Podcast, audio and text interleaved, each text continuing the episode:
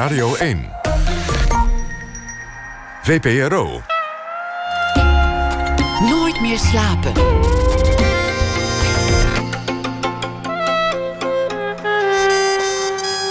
Met Pieter van der Wielen. Goedenacht en welkom bij Nooit meer slapen. Na één uur hoort u Janna Loontjens. Zij zal deze week elke nacht de voorbije dag vastleggen. In een verhaal doet ze dat. En verder hoort u schrijver Robert Weelage, Ruslandkenner Michiel Krielaars. En we gaan uh, in op de vraag waarom nonnen zo lang een vaste waarde zijn gebleven in de erotische cinema.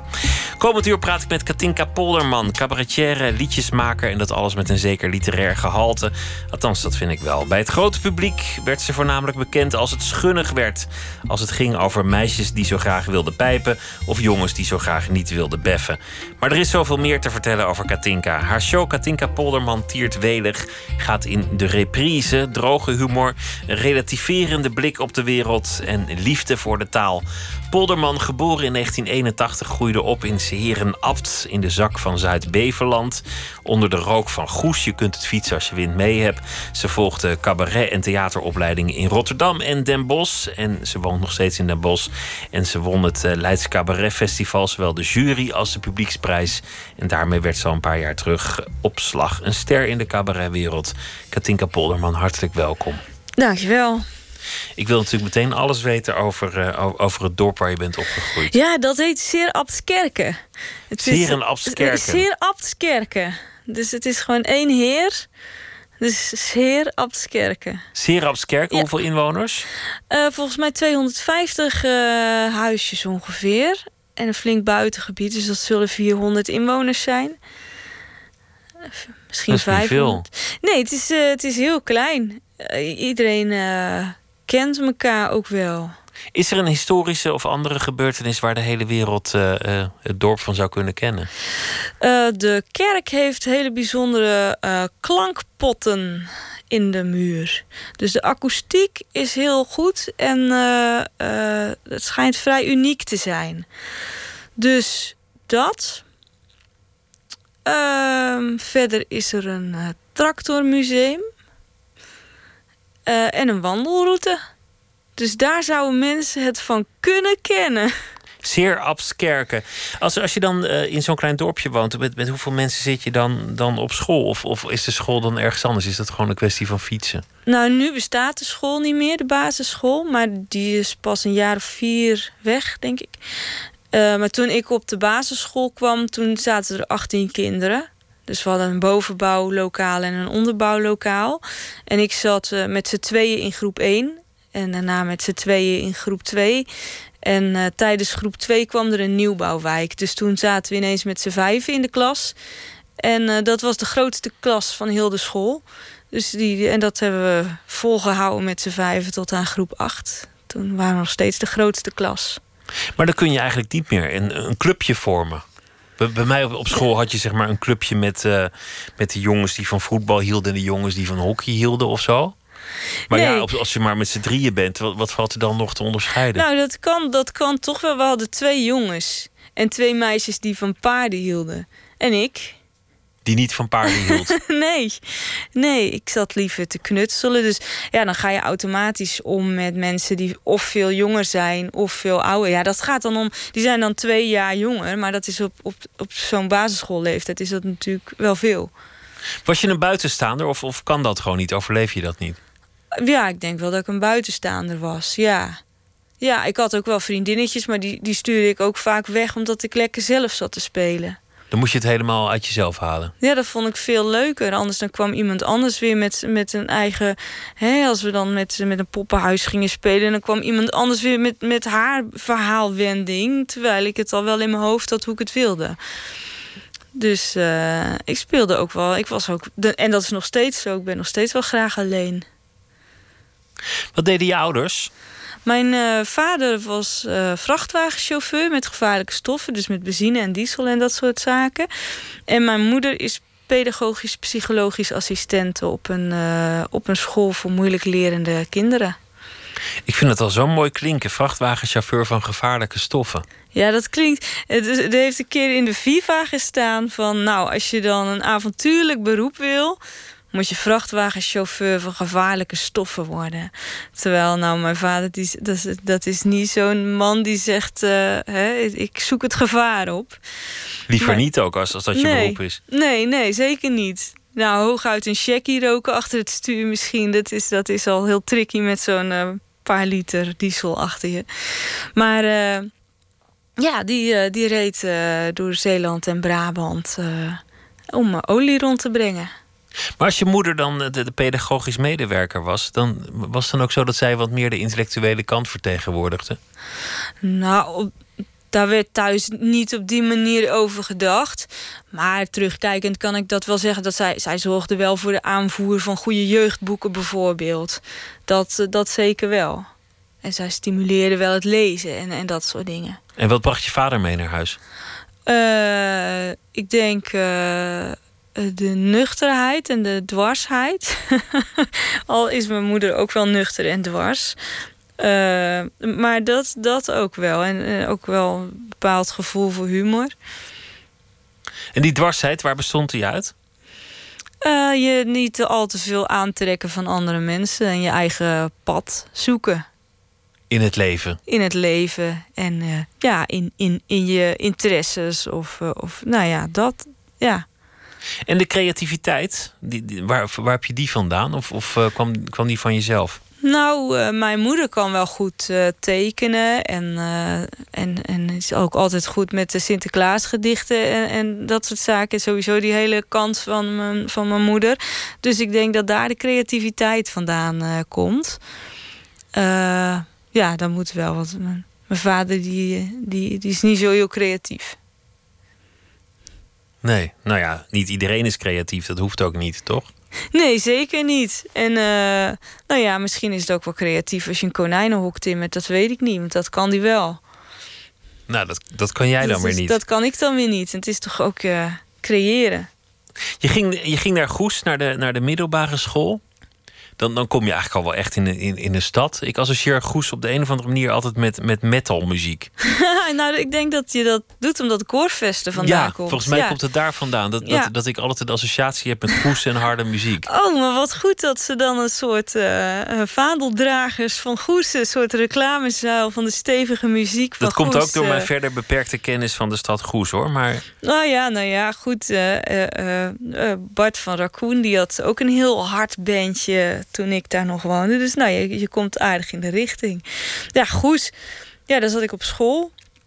En dat was een... Uh, ik zat op de kakschool, zeg maar. Uh, niet omdat wij nou thuis kak waren, maar dat was, ja, dat was ook niet echt de kakschool natuurlijk. Maar dat wordt dan zo genoemd onder pubers.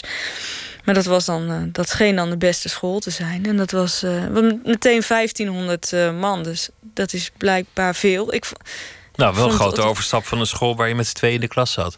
Ja, dat wel, maar ik vond het wel heerlijk. Ik vond het wel fijn, want je, je, krijgt in, je kan ineens kiezen met wie je omgaat en met wie niet. En dat kon op zo'n dorp niet natuurlijk. En daar begon je met het schrijven van liedjes. Ja. Daar, daar kwamen de eerste vruchten uit jouw pen. Ja. Wat, wat waren dat voor liedjes? Nou, ik begon met uh, ja, pornografische liefdesgedichten voor mijn leraren. Uh, wel, wel echt met een enorme knipoog. En dat waren de eerste gedichten die ik dan tijdens de repetities van het schooltoneel. En dan mochten wij altijd uh, lunchen in de lerarenkamer. En er waren al hun postvakjes.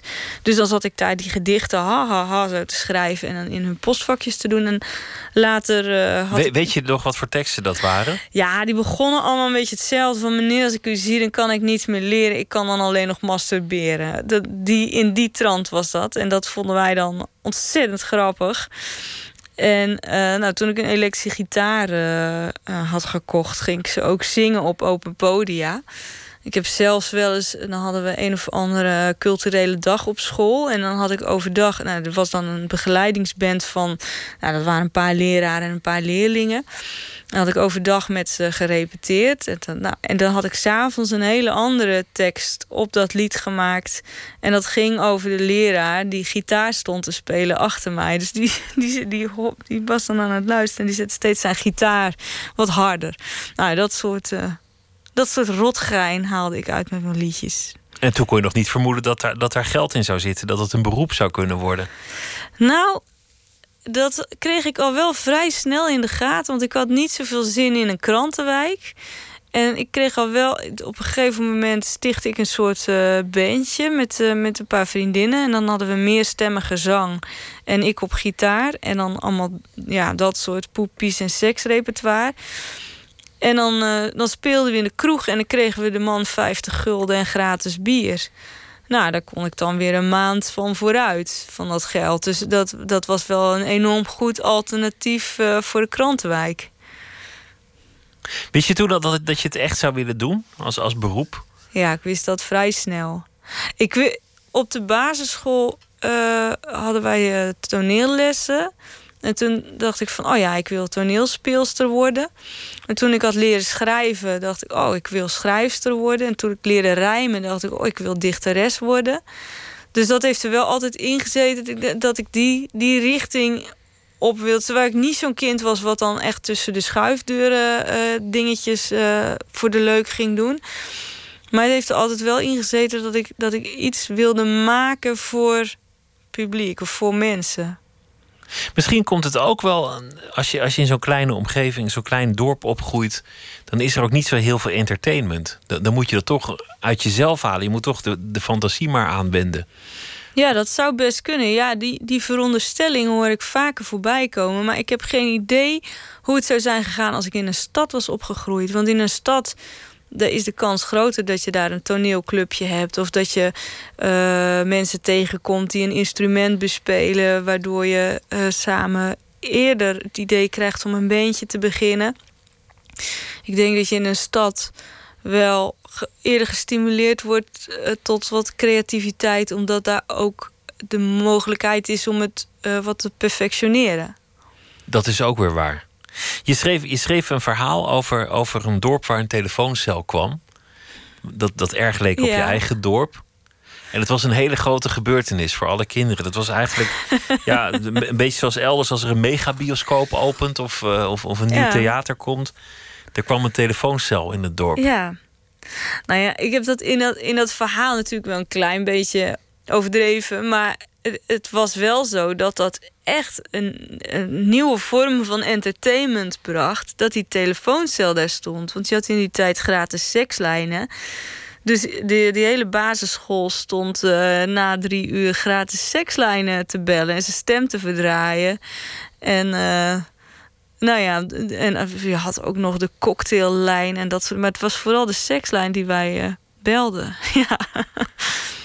Een beetje uit verveling en een, en een beetje uit nieuwsgierigheid natuurlijk. Ja, ik, weet, ik, weet, ik kan zo nog steeds dat bandje oprakelen. Dat is, let op dames, je belt nu gratis. Deze lijn is alleen bestemd voor jou. En dan kwam er volgens mij daarna een riedeltje... wat je dan moest toetsen om wat voor soort gesprek te krijgen. Oh, en, dan, en dan kreeg jij een welbetalende geldneef ja. aan de andere kant van de ja. lijn. Ja, die mannen die moesten wel betalen. De, de liedjes waar je later bekend mee werd, gingen ook over, over, over seks. Is, is dat eigenlijk iets waar, waar, je, waar je vanaf wil? Van, van dat mensen denken, oh, Katinka Polderman, dat zijn die schunnige liedjes. Ja, weet je, het is natuurlijk heel erg jammer als mensen denken... oh ja, die is alleen maar van de schunnige liedjes. Uh, dat is niks voor mij. Want uh, ja, ik, heb nu, ik ben nu met mijn vijfde voorstelling bezig...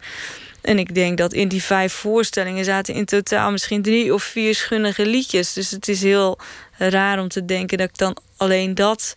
Maar dat zijn, uh, dat zijn een doe. beetje de, de, de hits geworden. Die zijn het vaakst uh, Ja, nou ja. Die, die- geciteerd of gedraaid. ja, die worden, die worden eh, bijvoorbeeld, ik het liedje Pipa Pijpen. eh, dat was in de tijd dat eh, Hives en Facebook vrij groot waren tegelijk.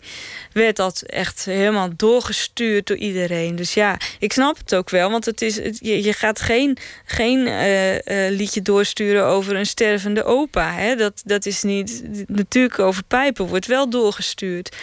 Dus ik snap ook wel dat dat een wat mediagenieker liedje is. Maar ik vind het wel jammer als mensen denken dat dat het enige is wat ik doe.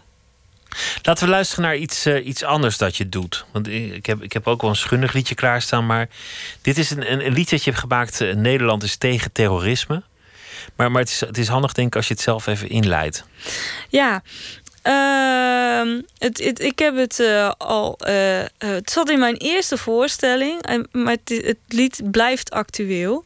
En ik leid het op het podium altijd in met dat ik ben gebeld door de PR-afdeling van de AIVD met de vraag of ik een uh, benefietsingle tegen terrorisme wil maken. Want als er dan een aanslag is, nou, dan hebben we dat maar vast op de plank liggen. En dat gaan we dan spelen in het Gelderen of de Kuip of de Johan Cruijff Arena. Net welke van de drie er dan nog staat. En dat begint dan met mij op de middenstip. En ik begin te zingen. En dan, nou, komt Marco Bussato erbij. En Treintje Oosterhuis. En een heel koor van BN'ers uh, wordt dat. Super ontroerend. Dus uh, als de mensen mijn carrière een zetje willen geven, dan weten ze wat ze moeten doen. Er komt een aanslag en er zit dan ook een datum aan vast. En die, die, die, die kennen we nog niet. Ja, die is heel makkelijk aan te passen. Datum, plaats en het aantal slachtoffers is heel makkelijk aan te passen. Dat, dat kan je nog ter plekke variëren. Een stukje vakmanschap naar de mensen toe. Nederland is tegen terrorisme.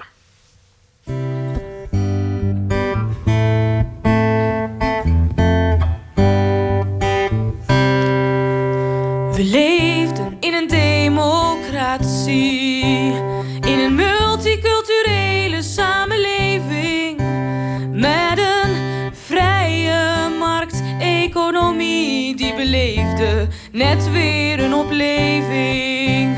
Maar toen kwam die ene dag. Geschoktheid. Ga maar even vanuit dan, hè? En op de beelden van miljoenen slachtoffers. 23 juni was een feit. Maar Nederland is tegen terrorisme. Nederland is tegen terrorisme. Dus Osama, Nederland is tegen terrorisme. Je mentaliteit niet oké. Hij strookt niet met onze westerse normen en waarden. We hebben vrijheid van meningsuiting en hier mensenleven telt. Dus stop met je buitenproportioneel geweld. En dan komt Ali B. En de haat op straat in deze staat die maakt me kwaad. Laten we praten en niet haten met je maten. Want je daden op de paden van de kwaad laat zich raden maken slachtoffers. Bloederige offers, je Osama, maak geen drama. Ja, maar ga naar een Bahama in je pyjama op een lama. En eet daar een sultana, je Osama. We willen je hier weg. Watch out, watch out. Want Nederland is tegen terrorisme.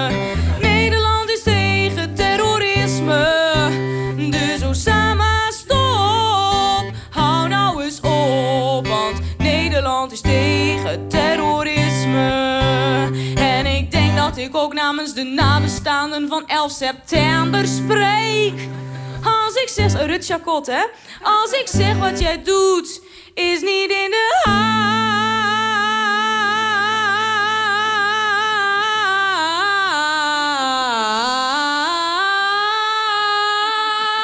Want Nederland is tegen terrorisme en ik denk Den Bos ook.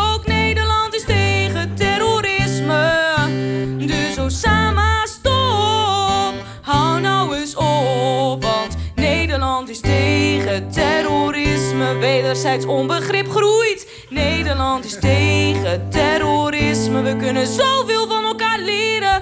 Nederland is tegen terrorisme. Osama, pak je biezen. Daar is het gat van de deur. Nederland is tegen Tita tuta terrorisme. Een lied uit de eerste show uit 2006. Nederland is tegen terrorisme, Katinka Polderman. Nog steeds actueel. Osama Bin Laden is dan wel dood, maar nu zing ik IS'ers of IS. IS, daar is het gat van de deur of uh, ja. houd toch eens op. Ja, ja, inderdaad. Het is wel grappig, want als ik het nu zo... Ik luister niet dagelijks naar mijn eigen cd's. Maar als ik het nu zo hoor, denk ik... Oh, ik ben het volgens mij veel trager gaan spelen uh, nu. Dat is grappig hoe dan een lied... Uh, toch verandert. Ja, ongemerkt. Je zong het zondag nog in het, in het, in het Vondelpark. Toen, eh, toen deed je eigenlijk een, een, eh, een show met, met, met veel liedjes. En, en ook wat oudere liedjes. Oud en nieuw door elkaar, ja. En niemand die merkte dat het, dat het een oud, oud stuk was. Nee, het is al tien jaar actueel, ja. Wat, wat, van jou wel eens wordt gezegd is dat, dat, het, dat het niet over, de, over maatschappelijke dingen gaat. Of dat, dat, het, uh, dat het voornamelijk om, om de lach is. Dat je, oh, dat ja, je niet geëngageerd... Ja, dat ik niet geëngageerd... Oh, ik vind mezelf juist... Uh, zeg, Freek de Jongen zeker. Nee, nou, ik weet niet meer. Een, nee, nee. een van de zure stukjes schrijver die, uh, oh, die, die, die had dat, had echt het gezegd. Oh ja. Nou ja, bijvoorbeeld Freek de Jonge zei afgelopen week ergens in de krant dat het hedendaagse cabaret niet meer geëngageerd is. Maar ik vind ik weet, er zijn wel, natuurlijk zijn er, uh, cabaret is zo divers, er is van alles, dus ook minder of niet geëngageerd cabaret. Maar ik vind mezelf juist wel heel erg geëngageerd. De, er zit altijd wel een groot deel van de liedjes gaan altijd wel over dingen waar ik me kwaad over maak in de maatschappij. Ja, maar het is bijvoorbeeld met dit liedje kaartje wel degelijk iets aan. Namelijk de, de, de, de totaal holle emotionele reacties op, op grote gebeurtenissen. Ja die je gewoon echt kunt voorspellen, waarmee ze ook niet zeggend zijn geworden. Ja, ja, dat inderdaad. En zo zit er. Kijk, ik, ik, zal, ik zal nooit letterlijk woedend worden op het podium. Of, of het moet een, overdrijving zijn. Maar dat vind ik namelijk niet zo interessant. Ik vind het veel interessanter als je aan je woede een andere vorm geeft. Of uh, uh, het zo doet dat het publiek een beetje kwaad wordt dus, dus dat je, eh, eh, eh, het is bij mij nooit letterlijk, maar het gaat wel altijd ergens over. Ook die schunnige liedjes, want, want dat Pipa Pijpenlied, ja. dat, dat was geïnspireerd op de porno-industrie, las ik. Ja, dat was, dat was daarop geïnspireerd inderdaad. En ik denk, ja, als mensen nou werkelijk denken dat ik daar zing, dat ik zo van pijpen hou, ja, hoe, hoe kan je dan ooit nog satire of cabaret maken als, als, als mensen zo slecht luisteren en zo slecht zelf nadenken? Dus ik vind mensen die zeggen dat ik niet geëngageerd ben, vind ik gewoon een beetje dom en kortzichtig. Maar dat geldt misschien wel voor die hele discussie over, over de vraag of, of het cabaret nog wel maatschappelijk betrokken is. Je, ja. je, hebt, je, hebt, je hebt cabaretiers die het heel erg zeggen: van ik vind dit, ik vind dat en dit moet anders. Maar je hebt ook die, die het verpakken in de grap of, of wat onderhuidser doen. Ja. Middels de humor waar het toch uiteindelijk allemaal om gaat in, in, in het cabaret. Ja, maar ik denk als ik het over terrorisme heb of over benefietsingels, dan mag ik toch hopen dat mensen dan uh, weten dat ik het daar werkelijk over heb. En dat ik het niet over niks heb. En ik denk die discussie hè, van het Nederlandse cabaret is niet meer geëngageerd. Ik denk dat die meer wordt veroorzaakt doordat het cabaret zo breed is geworden. Hè. We hebben niet meer zoals in de jaren zestig het literaire cabaret en het maatschappijkritische cabaret. Het is niet meer te verdelen in, in donker shocking, Nederlands hoop en lurelei. Hè. Het, het, is, het is heel breed, heel divers. En daarin heb je uh, fysiek theater, uh, fysiek cabaret en je hebt wat literair en je, je, het is heel breed. Maar daar, daar zitten wel degelijk heel geëngageerde de cabaretiers bij. Alleen dat zijn misschien net niet de mensen die veel uh, op radio en tv zijn. Maar ja, daarmee moet je niet een hele kunstvorm afschrijven. Dan moet je eens wat verder kijken dan, dan wat je al in de schoot wordt geworpen. Maar gebeurt in iedere kunstvorm dat mensen willen vastleggen van zo is het en zo moet het zijn en aan die regels moet het voldoen? Ja, ik denk vooral als je een beetje elitair wil doen, dan kan je zeggen van uh, ja ja, het, uh, het Japanse kubisme, dat is allemaal hol. Dan lijkt het alsof je heel wat zegt. Het is wel een leuk statement. Dan kan je het café wel mee binnenkomen. Ja, ja, ja. Zou je wel eens van die humor af willen? Is het soms ook een, een beperking voor je dat, dat dat nou eenmaal hoort dat het altijd grappig moet zijn? Nou, ik denk dat het wel bij mij past. Ik vind het fijn om dingen niet letterlijk te zeggen. En dan, kan je ze, dan is de fijnste vorm om een grap te gebruiken. Want daarin krijg je ook een hele duidelijke reactie van het publiek. of, of ze er nog bij zijn en of ze het er een beetje mee eens zijn, of ze het naar de zin hebben. Ja, Zo'n lach is een hele duidelijke reactie. Het is ook een soort bevrijding, die lach. Ja, het is een soort bevrijding, maar ook ik sta in een donkere gat te kijken. Als ik voor een. Uh, ik zie hooguit de eerste vijf rijen. Dan heb ik echt heel veel uh, geluk. Maar verder is het daar donker. Dus ik zie al niet of mensen het naar de zin hebben. Dus het is wel heel fijn om dat te horen.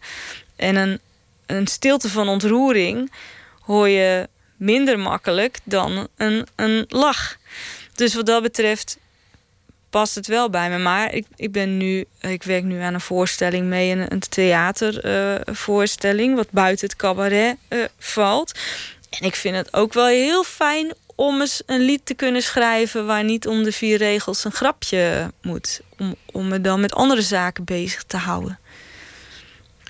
Om, om een liedje te maken dat, dat misschien wel ontroert? Of, uh... Oh ja, maar die heb ik ook wel in mijn eigen voorstelling. Maar uh, ja, ik, ik stop niet vijf, vijf liedjes zonder lach in een voorstelling met twaalf liedjes. Hè? Dat in een cabaret. Daar komen de mensen ook niet voor. Nee. Nee, en dan, nee, en ik vind het ook wel fijn als er een zekere opbouw in zit. En dat is, dat is mijn stil. Maar nu, uh, uh, nu met die andere voorstelling, dan is het heel fijn om uh, bijvoorbeeld een, een liedje met, met heel veel klankovereenkomsten, rijm, maar ook halfrijmen binnen in zinnen en, en, en binnenrijmen. En om zoiets te maken, zonder dat je dan ook nog eens dat grapje elke keer moet maken.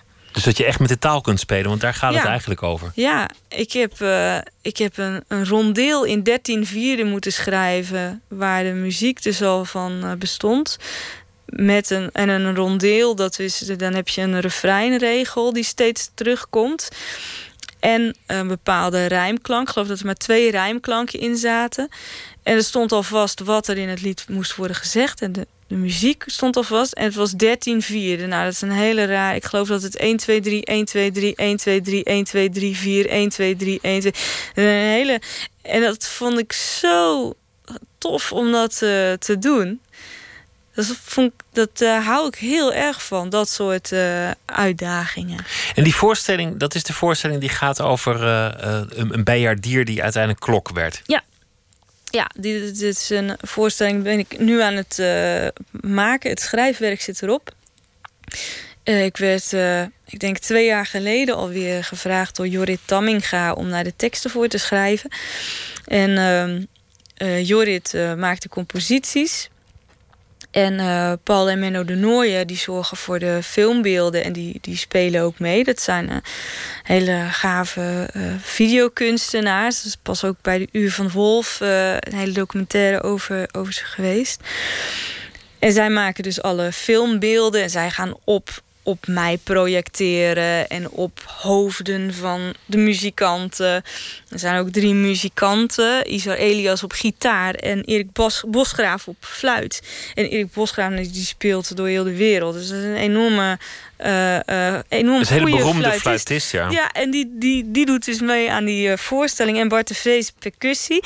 Dus zijn allemaal mensen die enorm goed zijn in, in wat ze doen. En die je nooit bij elkaar zou denken. En, en die gaan dus die voorstelling maken. En uh, dat vind ik fantastisch dat ik daaraan uh, aan mee mag uh, het, is doen. het is geïnspireerd op, op een, een waar gebeurd verhaal. Ja.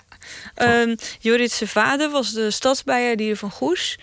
En uh, die is op een gegeven moment depressief geworden. En die is toen van de toren afgesprongen. En uh, daarna, een paar jaar daarna, is er een klok naar hem vernoemd.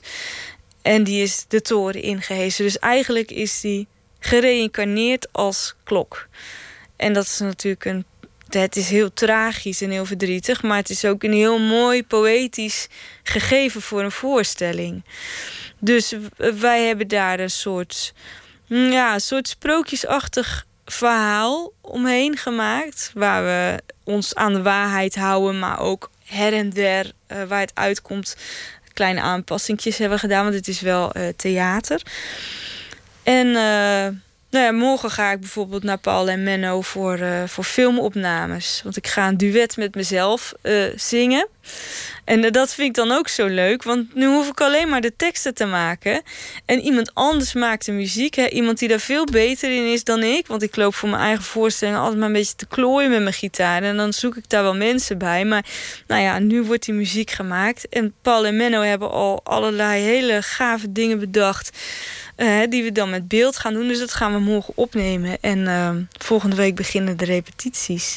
Wat zijn, zijn grote verdiensten als bijaardier was dat hij voor Lou Reed zelf ja. een Perfect Day heeft mogen spelen. Ja, hij op, op zo'n heeft, op zo'n uh, klokkenspel. Ja, hij heeft Perfect Day bewerkt tot bijaardstuk. En ehm, dat heeft hij op het, het grootste, ik geloof het grootste carillon ter wereld mogen spelen in New York.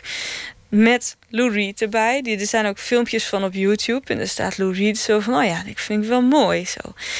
En dat, is, uh, dat, dat, dat was op, op Koninginnedag. En dan zou hij dus een soort stadssijn geven in New York. En uh, nou, dan werd in Groningen werd ook Perfect Day gespeeld. En in Amsterdam. En allemaal op die bijjaarden van de. Maar ja, dat was de Koninginnedag dat de aanslag op de koninklijke familie uh, plaatsvond. Dus dat is een beetje in het water gevallen toen. Uh, maar uh, goed, er hebben dus verschillende uh, bijjaarden dat gespeeld. En ik, ik, geloof dat het zelfs zo is als wij die voorstelling spelen. in sommige steden waar we hem gaan spelen, wordt dus smiddags ook Perfect Day gespeeld op, op de bijjaard op het, uh, op het carillon. Of het carillon. Of ja. ja. Laten we luisteren naar Lou Reed met, uh, met dat nummer.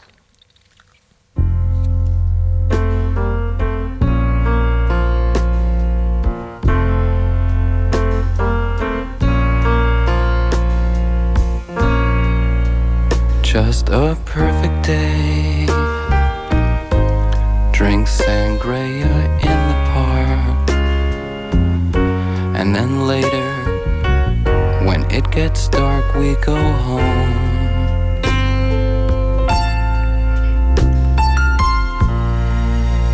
Just a perfect day. Feed animals in the zoo. Then later, a movie too, and then home.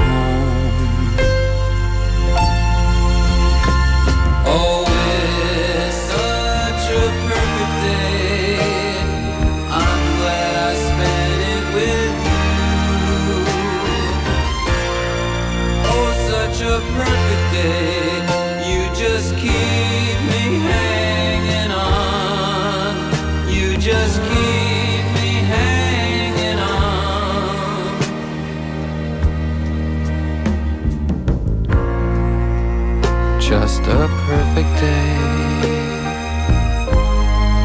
Problems all left alone. Weekenders on our own it's such fun.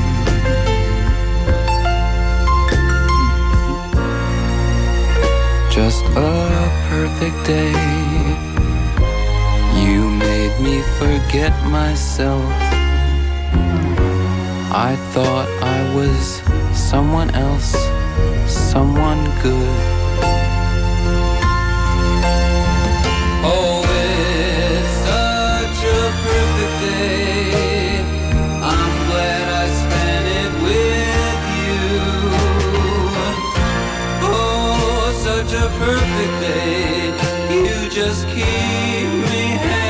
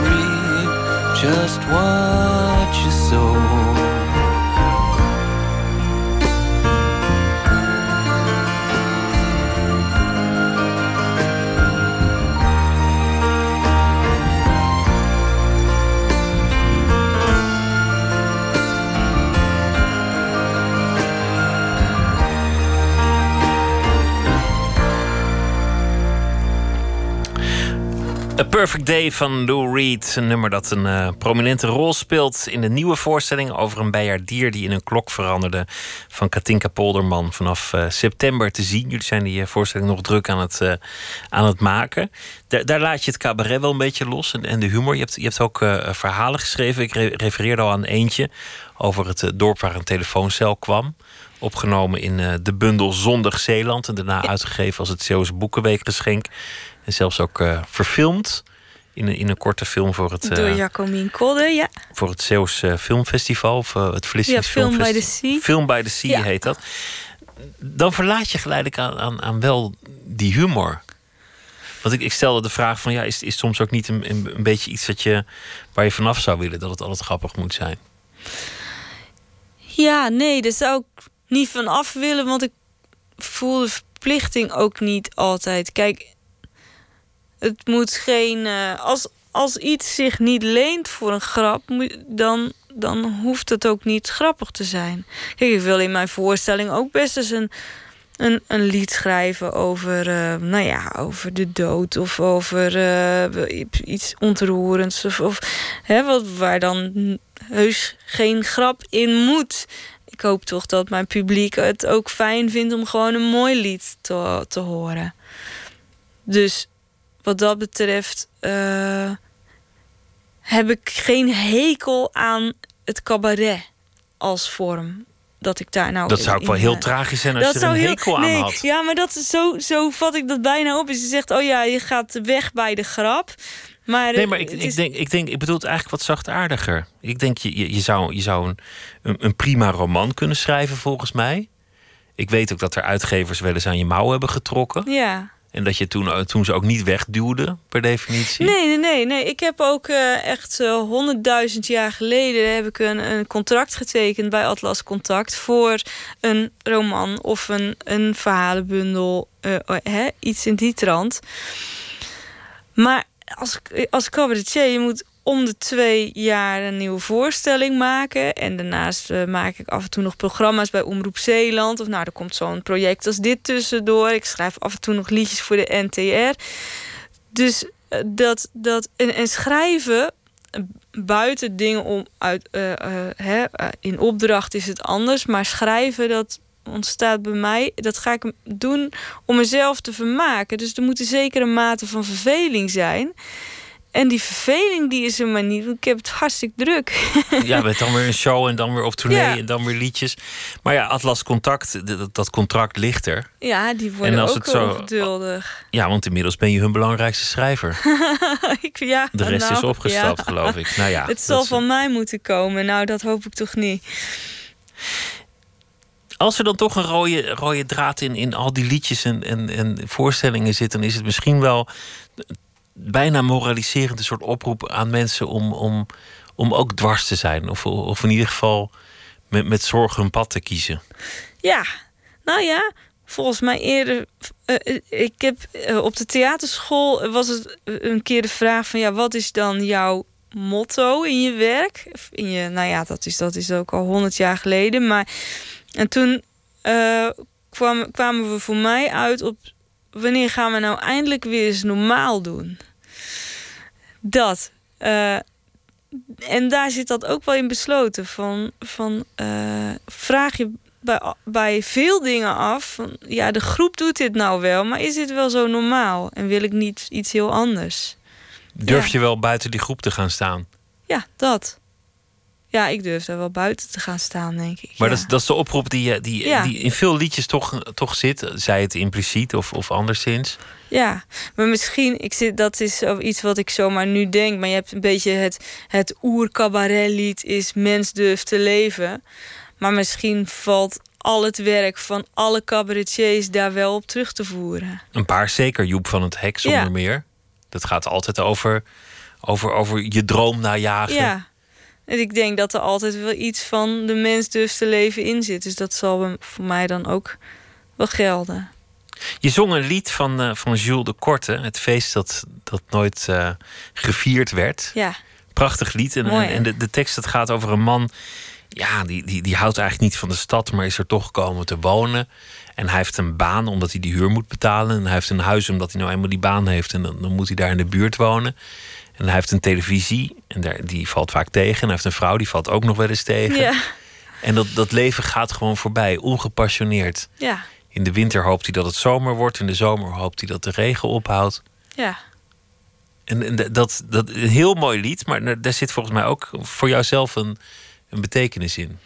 Ja, dat denk ik wel. Dat is, dat is natuurlijk van. Die man die. die uh, die klampt zich vast aan wat hij heeft. Maar de dingen die hij heeft zijn helemaal niet dingen die hij heel graag zou willen. Hij kiest voor de zekerheid. Hij kiest voor de zekerheid, maar ook alleen, alleen maar zekerheid. Niet eens zekerheid. Je kan zekerheid. Je kan voor zekerheid kiezen omdat je net een fantastisch huis hebt. Wat je echt wil. Want het is, het is alles wat je ooit wilde.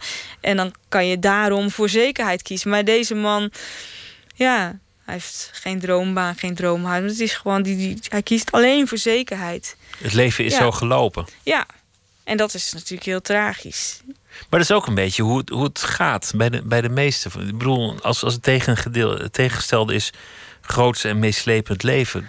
Dat, dat, gebeurt eigenlijk niet zoveel. Ja, maar ik dat geloof... bestaat ook niet echt volgens mij. Nee, ik geloof ook niet dat dat het tegenovergestelde is. Ik geloof, dan zou ik namelijk zelf groots en meeslepend moeten leven. Nou, ik ben uh, vorige week tien dagen naar Centerparks in Drenthe geweest. Dat vond ik heerlijk. Nou, dat vind ik niet echt groots en meeslepend. Dus ik denk dat het voor mij betekent het meer dat, dat, dat je ja, in moet staan voor je, voor je keuzes. En dat je, dat je niet denkt, oh, dat zal wel niet lukken, dus ik probeer het niet. En jouw keuzes, dan, dan is het belangrijkste waarschijnlijk liedjes maken en voorstellingen. De creativiteit. Ja, ja nog niet eens, waarschijnlijk, ja, dat is, dat is natuurlijk helemaal niet goed dat ik dat nou zeg, maar nog niet eens die voorstellingen spelen. Het gaat mij vooral echt wel om het, om het maken. Dat, dat vind ik het, het mooiste. Niet eens het spelen, het uitvoeren, maar het, het componeren, ja, het schrijven. Het, uh, het, vooral het schrijven. Ook niet eens de muziek erbij maken. Al is het natuurlijk, een liedje is wel af als er muziek bij zit. Maar dan laat ik dan misschien nog het liefste door anderen doen.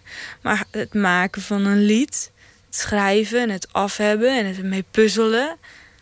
En het voorleggen aan, aan mensen en dan daardoor toch nog even eraan gaan zitten en dan een waanzinnig lied hebben of verhaal schrijven of nou ja, dat, dat, dat, daar gaat het voor mij wel om.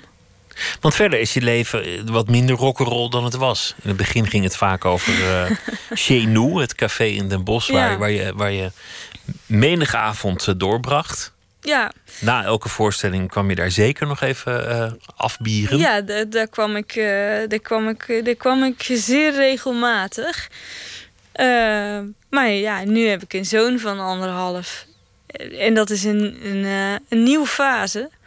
Maar wel een ontzettend fijne, leuke fase. Ja, dat, eh, dat is. eh, op, nu vind ik dat tien keer leuker dan in de kroeg zitten. Ja, dat, dat blijft ook niet erg leuk in de kroeg zitten. Nee, en waarschijnlijk eh, een kind hebben ook niet. nee, ik weet het niet. Nee, in de, nou ja, in de kroeg zitten kan heel lang leuk blijven. Maar ehm, ja, soms is het tijd voor iets nieuws. En, dus eh, ik, ik, ik moet het niet lezen als een, als een soort anti-burgerlijk eh, betoog of zoiets. Het gaat meer om, om het gepassioneerde. Dat, dat, gaat- je met overtuiging het kiest. zit veel meer in de kern, inderdaad. Dat je je eigen weg zoekt en, en eh, niet bang bent. Onbevreesd zijn. Onbevreesd zijn. Ja, dat misschien. Maar ja, dan teken je een keer ergens en dan, dan heb je dan een huis en dan heb je een hypotheek. En dan moet je een contract vasthouden bij een baan waar je dacht dat je een jaar ging blijven. Ja, maar ja, ik snap En voor je het weet heb je, heb je toch zo'n kaartenhuis om je heen gebouwd van, van zekerheden. Ja, maar dat moet je dus bij voorbaat even goed over nadenken. Ja, ik snap dat niet mensen die dan per se een kast van een huis willen, waar ze dan nooit zijn, omdat ze zich helemaal over de kop moeten werken om die hypotheek te kunnen betalen. Ja, dan, dan heb je toch een veel leuker leven als je zegt van nou, ik neem een huis wat ik eh, zonder al te veel zorgen kan betalen. En dan kan ik, kan, dan kan ik alle kanten op. Dan heb ik nooit zorgen. Een leven zonder zorgen is toch veel meer waard dan een leven in een groot duur huis. Denk Dat, ik dan. dat zou, maar dat, dat is het, het, het mooie ook van het liedje van, van, van Jules de Korte. Dat het, die kant zit er ook in. Die man heeft ook dat bescheiden. Zo kan je het liedje Ja. namelijk ook interpreteren. Dat je denkt, ja, nou ja, het leven gaat een beetje voorbij. Een beetje dit, een beetje dat.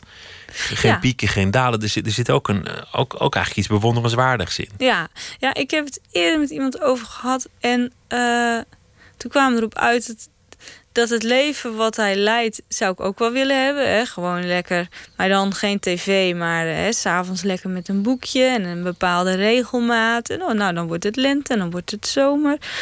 Maar de, de kern moet, eh, moet kloppen. Het moeten geen En- onwaarachtige keuzes zijn van, van wonen in een stad waar je daar een hekel aan hebt. Ja, ja. Zullen- Zullen we luisteren naar, naar, naar dat liedje? Ja, dat is een goed idee, want het is een mooi lied. Het feest dat nooit gevierd werd.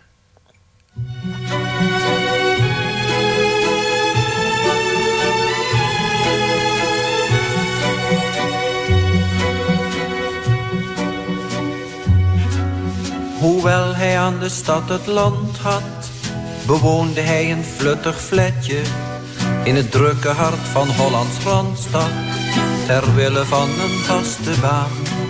Een raam waardoor hij op de kerk keek, zijn altijd eendere sigaretje. De 45-uurse werkweek gaven hem grond om op te staan. Hij had een vrouw en een tv, die vielen allebei nog wel eens tegen. Die vielen allebei nog wel eens mee. En zomers was er dan de regen en met de rest was hij best tevreden.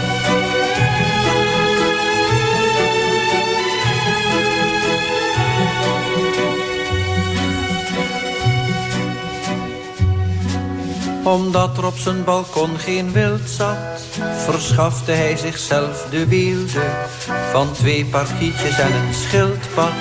Dat stelde verder niet veel voor. Een tafel en een paar fauteuiltjes, een orgel waar hij nooit op speelde. Het was allemaal niet veel beschuitjes, maar het kon er toch nog wel mee door. Geen echt plezier, geen echt chagrijn, geen echte vrede en geen echte ruzie. En heel het leven aan een vaste lijn. En winters was er de illusie van het zou nou wel gauw wat warmer zijn.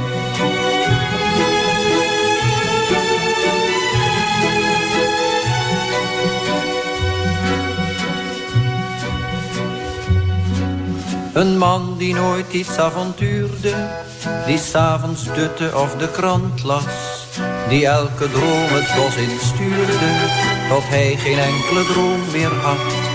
Passief in elke situatie, net levend of hij een soort plant was. Zijn dorst en honger naar sensatie, die stilde hij met het ochtendblad. Hij had een vrouw en een tv, op tijd te werken en op tijd te eten. Dat viel niet tegen en dat viel niet mee. En toen de maat was volgemeten, is hij gestorven op de wc.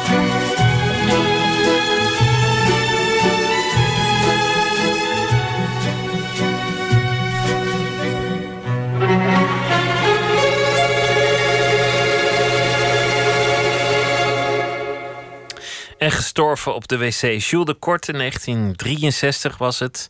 Het feest dat nooit gevierd werd. Katinka Polderman zit tegenover me. Een bewonderaar volgens mij ook van, eh, van Jules de Korte. Ja, zeker, zeker. Ja, prachtige, prachtige liedjes en allemaal deugdelijk in elkaar gezet. En de, de man was, was blind. Dat, dat maakt verder niet uit voor, eh, voor het liedje. Maar het is toch een, ook een bijzonder gegeven. Dat hij eh, Nou, in die tijd ja, toch, toch een carrière kon opbouwen. nou, en ik vind het heel knap hoe je. eh, want dit heeft een heel mooi rijmschema. Ik kan het nou zo uit mijn hoofd niet opdreunen, maar het is, ik geloof. nou ja, het, het- mensen moeten thuis de teksten maar eens op, bij opgoogelen. En dan. Dit heeft een heel mooi rijmschema. En ik kan ook wel liedjes in een rijmschema eh, eh, schrijven, maar dan zie ik het voor me. Dan zie ik wat ik aan het doen ben. En dat vind ik zo knap dat hij dus met zijn handicap zo'n heel rijmschema. Je, waar haal je het overzicht vandaan? Ik denk dat die, die man moet in zijn hoofd zo geordend zijn geweest. Dat hij dat helemaal in zijn hoofd kon, kon ordenen en, en Ja. die, die, die rijmschema's en alles Ja. in elkaar kon zetten. Waarschijnlijk deed hij het hardop, reciteerde hij het steeds opnieuw. Ja, dan moet je ook een enorm goed geheugen hebben. Ja, dat zal hij ook wel hebben gehad. Want ja, je kan niet piano spelen en braille lezen tegelijk. Hè? Dus, dus dat moet allemaal in zijn hoofd hebben gezeten. Een, een echt mooi lied dat, dat klopt met, met een clue en een refrein en een melodie. Dat, dat, dat is nog best wel. Ja, dat komt je ook niet elke dag aanwaaien. Ga je daar echt voor zitten of, of, eh, of, of schud je ze gewoon uit de mouw? Of heb je ook lange periodes helemaal niks?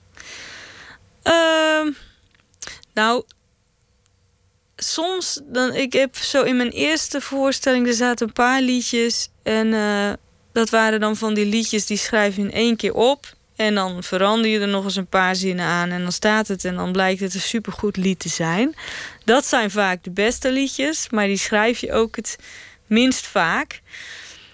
Eh, dus ik moet daar wel echt eh, voor gaan zitten. Nou heb ik eh, door allerlei redenen loop ik al een paar jaar een beetje te klooien met mijn gezondheid. En daardoor is mijn concentratie ook heel laag. Dus eh, liedjes schrijven is, is eh, af en toe echt wel een worsteling geweest. En dat begint nu wel terug te komen.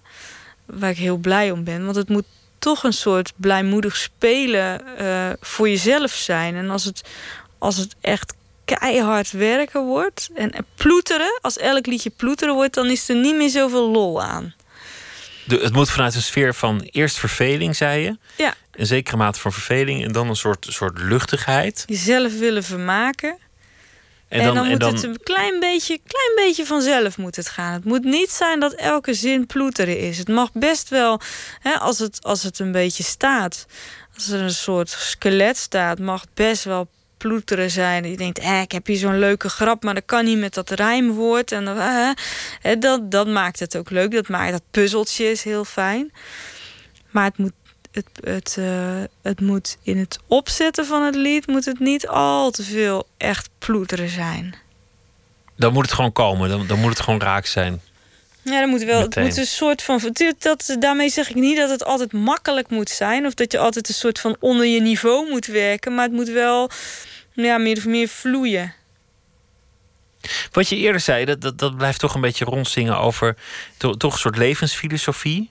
Meen ik erin te on- onderscheiden van, van eh, het waarachtige leven of, of leven voor wat echt belangrijk is. Zonder dat je dat meteen helemaal, helemaal kunt invullen voor iedereen. Want dan heb je een, heb je een secte gesticht of zo.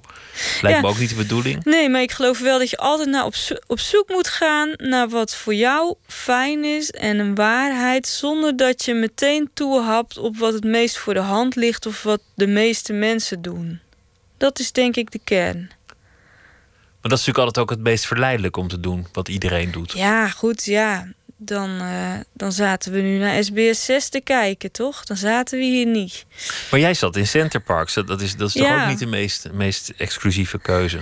nee, dat is waar. Maar met een jongetje van anderhalf, wat vooral eh, lekker eh, wil zwemmen en een pannenkoek eten, ja. Ja, dan kan je natuurlijk ook in een vliegtuig gaan zitten en zeggen: we gaan door India trekken. Ook mooi, maar niet met een jongetje van anderhalf. Dat lijkt me echt een ramp om met een Dus, eh, jongetje van anderhalf door India te trekken. Mij ook. Dus eh, nee, ja, je moet natuurlijk ook kijken wat het meest praktische is. Ja, maar daar ga je al. Nou ja, maar daar kan je dan toch ook keuzes in maken? Hoe hebben je ouders dat, dat eigenlijk aan jou, aan jou voorgehouden? Want is dat iets wat je van huis hebt meegekregen? Van, van maak wel de goede keuzes? Of, of zeiden je ou- ouders, die- want die, die stonden ook een beetje buiten het dorp als, als dat nodig was? Nou ja, we- eh, eh, eh, maak wel de goede keuzes. Dat impliceert al een soort van pas op dat je niet de verkeerde keuzes ja, en dan, maakt. en dan dat, kom je juist weer in, in de veilige. ja, dan kom je bijna bij Jules de Korte zijn liedje weer uit. Ehm, nee, volgens mij was er een soort motto van... nou ja, alles kan als je maar wil. En dat, dat is natuurlijk niet helemaal waar. Maar het geeft wel aan dat er veel kan. En eh, Er kan vaak meer dan je denkt. er kan, misschien is dat, dat eh, ja, er kan vaak meer dan je denkt. En eh, ook vooral niet te snel opgeven. In jouw eigen loopbaan is, is, dat, is dat heel wonderlijk gegaan. Want je, je had wel al gekozen voor het cabaret. En je, was ook al hard aan het werk met, met, met, een programma maken en met liedjes. Maar ineens won je het belangrijkste cabaretfestival van Nederland. En, toen en toen was je gewoon een op slag een gevestigde naam en, en een soort grote belofte. En het ging even, even in een, een reusachtige stroomversnelling. Ja. Nu is dat alweer weer een soort van normaal. Ja. Ik bedoel, nu, nu weet iedereen wie je bent en wat je doet. En komt je publiek gewoon. Maar, maar kon je dat toen eigenlijk makkelijk aan? Om, om, om, om zo snel ineens in, in het grote licht terecht te komen? Ja, zo heb ik dat zelf niet, niet echt heel erg gevoeld.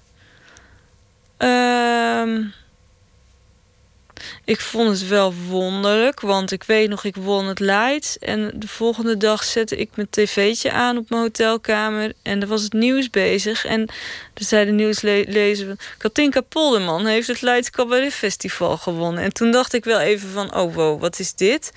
Maar goed, het was geloof ik zes uur s ochtends... want ik moest naar Giel Belen heel vroeg. En om tien uur s ochtends was het alweer uit het journaal gehaald. Dus dat, uh, wat dat betreft uh, uh, zat ik er ook niet lang in... Maar um, nou ja, ik weet wel dat ik echt heel veel druk. De, wel veel, vooral na mijn tweede voorstelling heb ik wel veel druk gevoeld. Uh, en heb ik wel gedacht van, oh, nu wil het publiek cabaret. En nu moet ik een soort van doorstromen. Dus wat, daar ben ik heel, bij mijn derde programma ben ik heel erg bezig geweest met, met uh, eigenlijk de verkeerde dingen.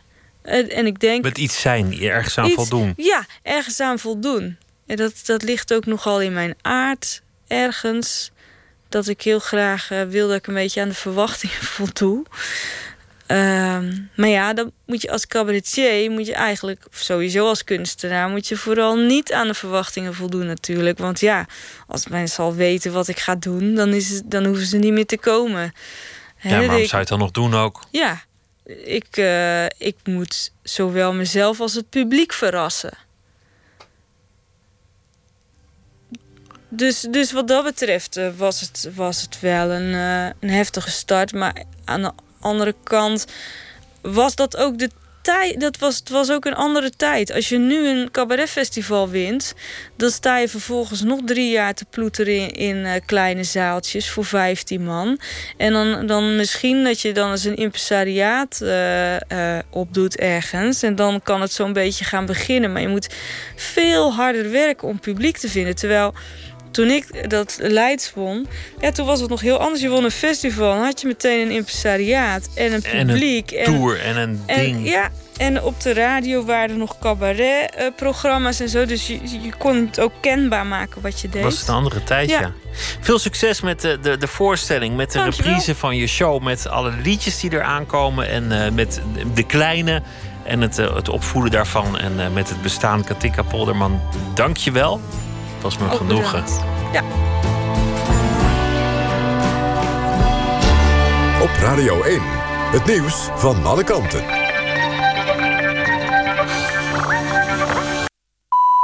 Eén uur door Almegens met het NOS-journaal. President Trump heeft alle begrip voor extreemrechtse demonstranten... die zaterdag in Charlottesville protesteerden... tegen het neerhalen van het standbeeld van generaal Robert Lee. Bij dat protest kwam een vrouw om het leven. Lee is omstreden omdat hij zich in de burgeroorlog verzette... tegen het afschaffen van de slavernij. Trump wees erop dat de presidenten Washington en Jefferson ook slaven hadden... en hij vroeg zich af of hun standbeelden dan ook weggehaald moeten worden. Hij herhaalde nog eens dat het geweld in Charlottesville wat hem betreft van twee kanten kwam... niet alleen van extreemrechtse groepen. Ook benadrukte hij dat hij neonazies en andere groepen heeft veroordeeld. Maar niet iedereen daar was een neonazi, niet iedereen was een witte racist, zei Trump. De Colombiaanse guerrilla-beweging FARC heeft zijn laatste wapens overgedragen aan de VN. Daarmee is er een officieel einde gekomen aan het gewapende conflict met de Colombiaanse regering. Op een feestelijke bijeenkomst in het oosten van het land namen VN-vertegenwoordigers de laatste twee containers met wapens en explosieven in ontvangst. De FARC is nu van plan om binnen een paar weken een politieke partij op te richten. De oorlog duurde 50 jaar en kostte 220.000 mensen het leven. Vrijwilligers hebben in twee weken tijd bijna 15.000 kilo afval van de Nederlandse stranden gehaald. Dat is minder dan vorig jaar, maar wel meer dan twee jaar geleden. De jaarlijkse schoonmaakactie van Stichting de Noordzee... begon twee weken geleden in Katzand en in Schiermonnikoog. Teams werkten vanuit die plaatsen naar de finish in Zandvoort. Het grootste deel van de ingezamelde rommel bestond uit plastic... zoals lege flesjes, doppen en ballonnen. Nieuw was de Filter Challenge. Twee teams moesten bij Scheveningen binnen 20 minuten... zoveel mogelijk uitgedrukte peuken verzamelen. Dat werden er bijna 4000. Het weer op de meeste plaatsen droog. Vannacht minima rond 13 graden en kans op mist. Komende ochtend lost de mist deels op en schijnt geregeld de zon. Smiddags is een bui mogelijk. Het wordt 22 tot 25 graden. Donderdag en vrijdag vaker buien en meer wind. Dit was het NOS Journaal. NPO Radio 1. VPRO. Nooit meer slapen.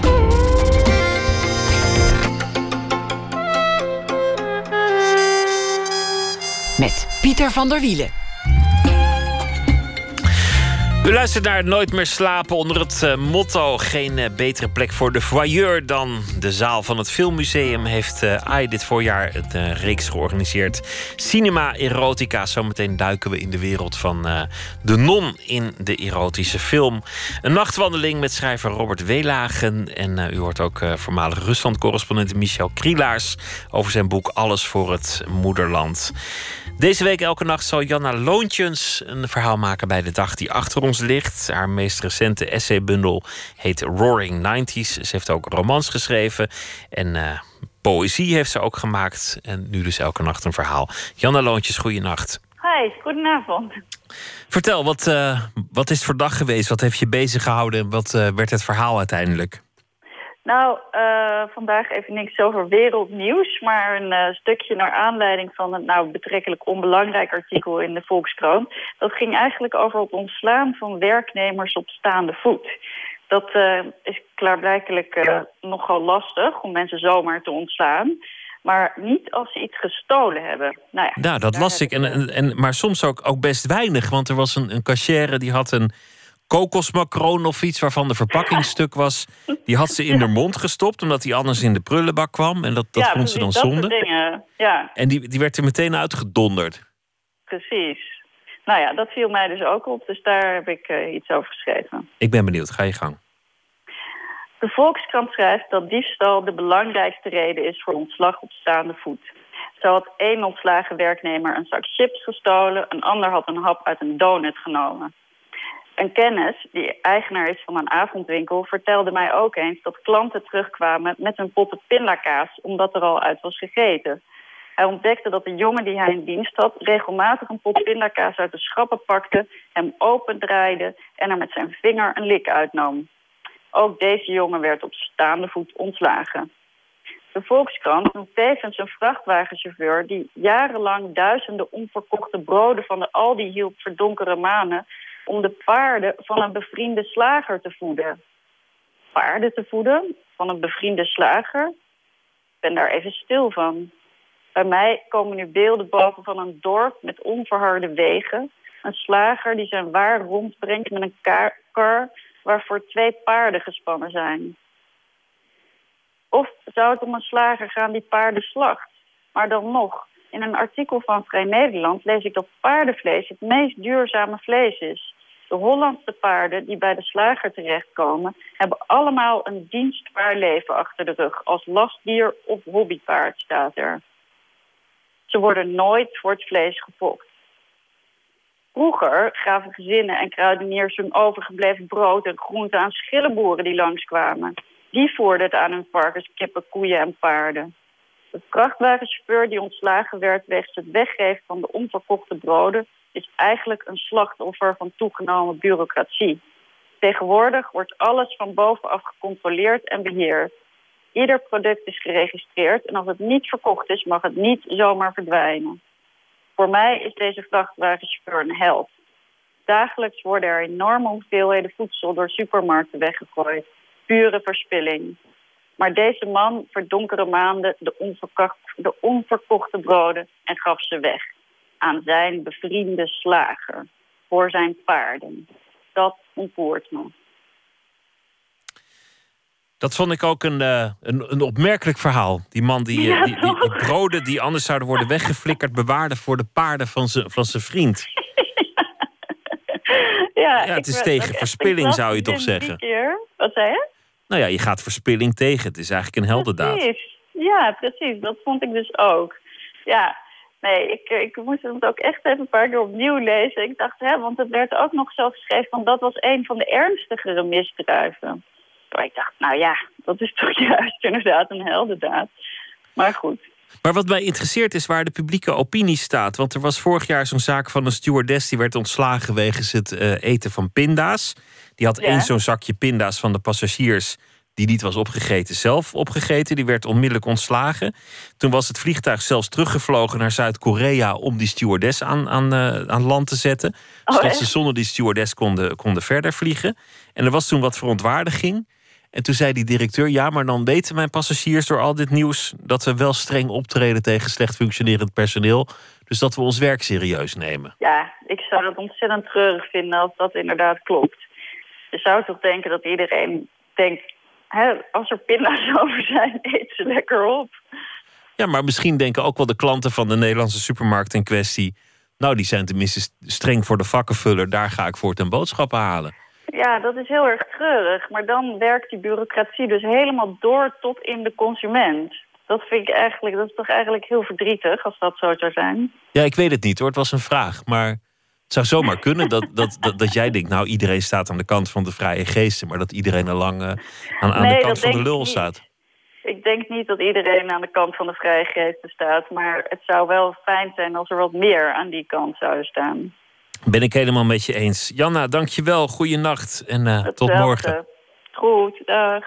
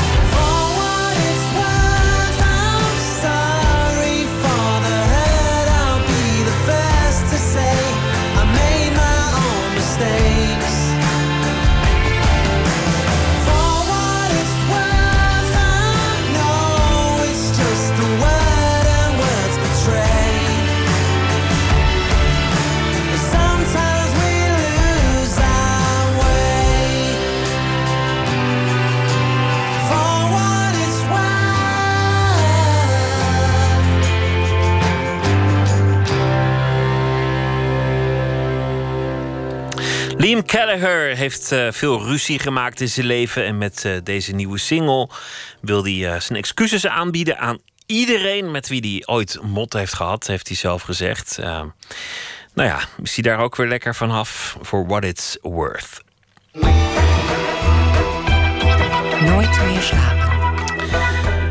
In het AI Filmmuseum eh, werd dit jaar een eh, ode gebracht aan de lust met een eh, programma Cinema Erotica. Een van de onderdelen was een lezing van erotica-kenner Albert Wulfers over de non. Want waarom is juist de kuisenvrouw altijd een vaste waarde wanneer het gaat over de erotische film? Floortje Smit ging met hem in gesprek.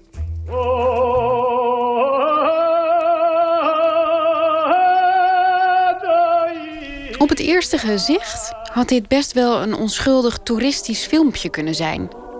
Het is een zwart-witte short uit de collectie van AI en we zijn in het klooster Droshny, hebben we net geleerd van een titelkaart. Daar heeft zuster Oljenka keukendienst. Tot zover niets aan de hand. Goed, ze drentelt wat nerveus heen en weer, maar het is ook niet niks natuurlijk. Een maaltijd verzorgen voor een heel klooster.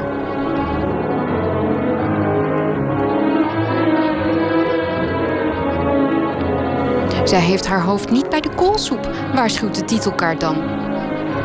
En dat mag je zeggen, ja. Ze werkt met wortels, maar die belanden niet in de pan met borst. Als u begrijpt wat ik bedoel.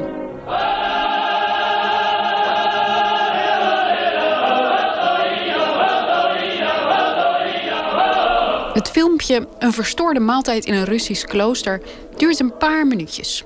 Het is een van de eerste pornofilmpjes. En is het toevallig dat daar een non in figureert? Nee, zegt Albert Wulfers. Eigenlijk fantaseren mensen de hele filmgeschiedenis lang al over wat er nou onder dat habijt verborgen zit. Ik, ik, heb laatst nog een keer catalogus doorgekeken van het Kinsey Instituut. En daar hebben ze een aparte categorie ook, die heet uh, klerikale erotiek. En dat is vanaf het begin. We hebben ook wat filmpjes hier uh, uit de collectie. Uh, ja, een vroeg filmpje uit 1925. Of dat, en dat zijn, dat zijn echt stevige pornofilmpjes met, met nonnen erin. En dat ja, het is, het is echt porno, hè? Het is, het is niet subtiel, laat ik het zo zeggen. Nee, nee, nee, want dat, dat, dat, dat gaat gewoon van de, de rok omhoog. En dat, er komt, de tuinman komt langs en er komt nog een pater of een monnik komt erbij. Dat, dat, het is echt van dik hout zaag met plank, ja. Nonnen. Als er iets kuisheid hoort uit te stralen, zijn zij het wel. En toch zijn ze in de soft porno al honderd jaar net zo geliefd als de Wulpse verpleegster. Hoe kan dat nou? Dat onderzoekt regisseur en erotica-verzamelaar Wulfers in de lezing die hij houdt in het kader van Cinema Erotica in AI. Nou, ik denk, dat, ik denk dat het komt omdat er een soort taboe op rust. Dat, en, en, en het heeft natuurlijk ook iets van zo'n heel huis vol met al die nonnen of zo. En dat, daar moet wel iets gebeuren. En dat kan toch niet? De nonnen celibatair, die pater celibatair. In heel veel van die oude filmpjes en foto's is het ook altijd met een pater erbij of een monnik erbij. Dus dan, uh, ja, of de tuinman, de mannen die in de buurt zijn. Maar ik denk dat niemand zich kon voorstellen dat er niks gebeurde. En dat, dat moet toch iets zijn. En het is ook wel leuk om daar een beetje mee te spotten. En, en, aan de andere kant heb je het, uh, het Casanova-idee. Casanova heeft ook geschreven over zijn relatie met een non. En dan zegt hij van, dit is zo mooi, want ik ga nu iemand de hoortjes opzetten... die eigenlijk de allergrootste, machtigste figuur is die er bestaat. Ik zet eigenlijk God nu de hoorntjes op. Want al die nonnen zijn in feite getrouwd met, met zijn bruiden van Christus. Als je, als je kijkt naar vooral die, uh, die vroegste filmpjes... Um, dat verbaast mij een beetje. Want ik kan me niet voorstellen dat daar in 1925... al die mensen um, in een bioscoop naar zaten te kijken, naar zo'n filmpje. Nee, maar die, die zullen dat in de bioscoop vertoond zijn. Het merendeel van dat soort filmpjes werd gewoon illegaal verkocht. En er waren op plek... Er, er waren ook filmpjes, ik weet niet of het specifiek bij nonnen was... maar in bordelen werden filmpjes vertoond... om de mensen een beetje op te heersen voordat ze naar de prostituees toe gingen. Dus dat waren plekken. En er is tot in de jaren 50 en 60 altijd een illegale markt geweest van bij de kapper en uh, bij de sigarenboer illegale filmpjes. Dat is dezelfde la waar de condoompjes lagen. Lagen ook allemaal filmpjes. Ja. En die zitten vaak in uh, doosjes waar geen titel op staat. Of, of er staat op uh, Wonderful London. En daar zitten allemaal andere filmpjes in. Dus dat, is, dat werd niet in de bioscoop vertoond. Maar dat stereotype van de non die haar lusten niet kan onderdrukken, was ook te zien in de reguliere films in de bioscoop. they renounced the world of men, but found that the world was not to be denied. I gave up my vows. I finished with them up there. In Black Narcissus bijvoorbeeld uit 1947, waarin een groep nonnen extatisch wordt van een broeierig landschap.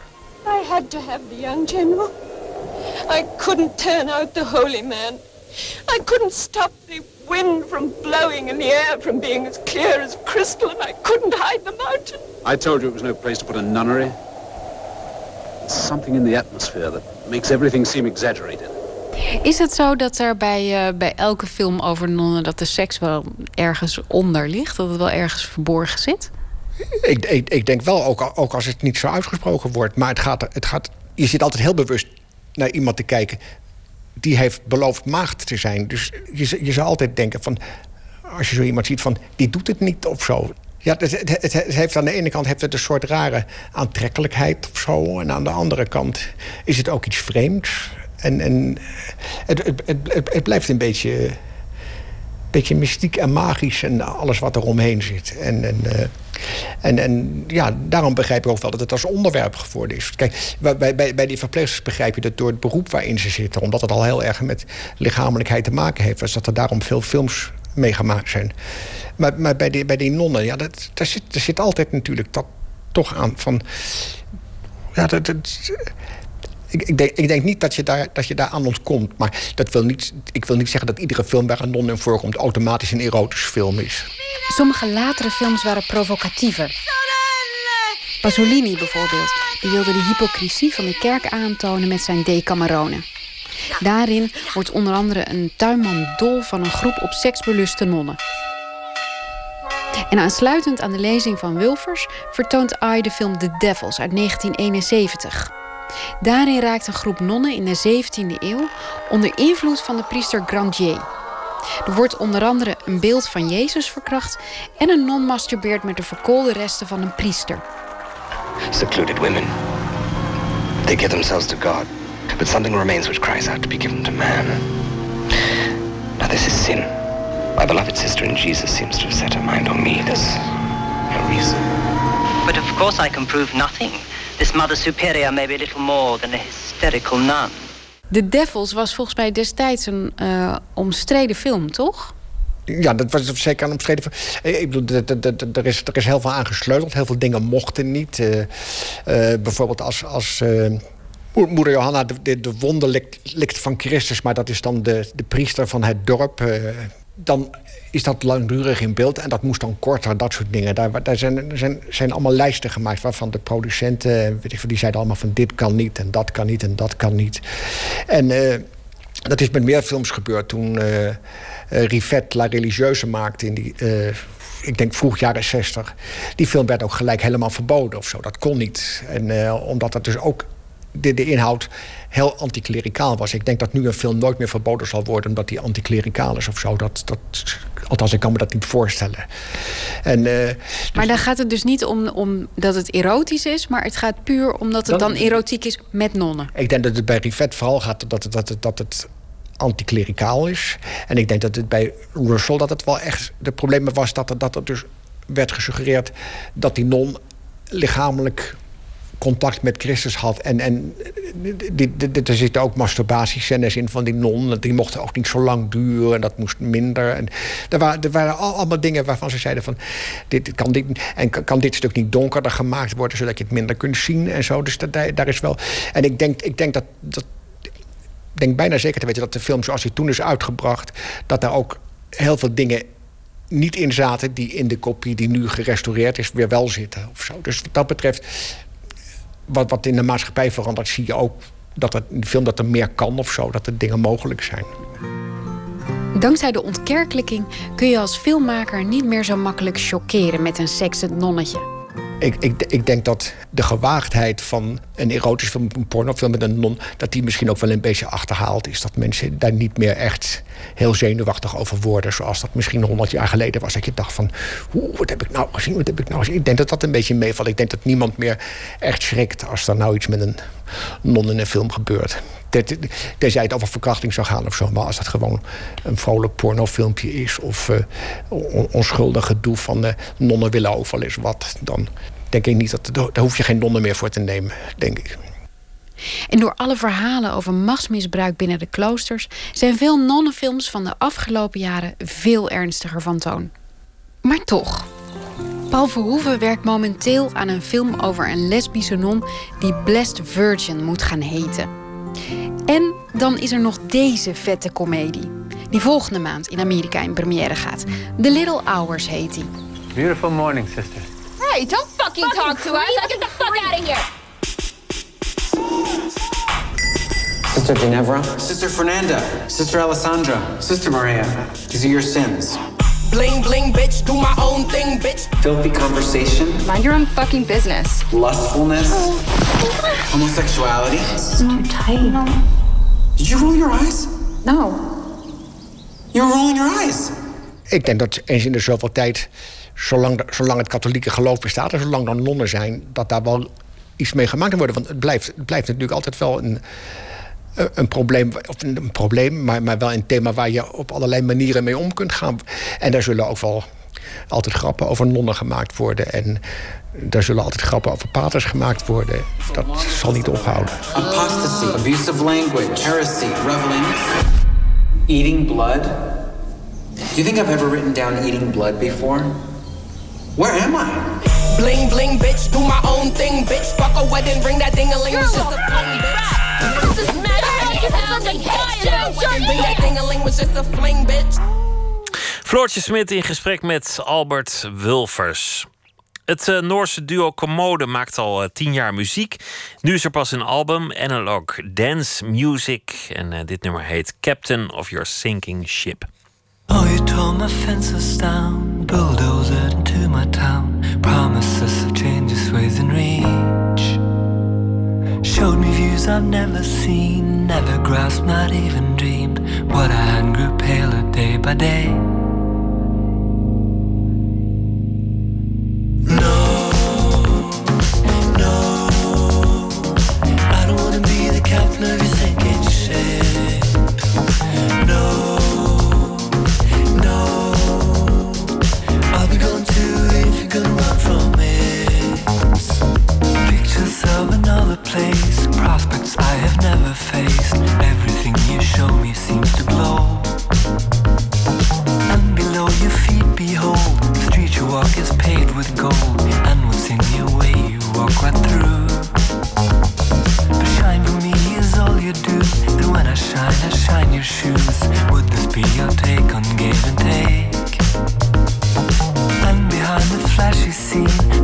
Recognize the signs of dreams. I ring, I ring, I ring, I ring the bell.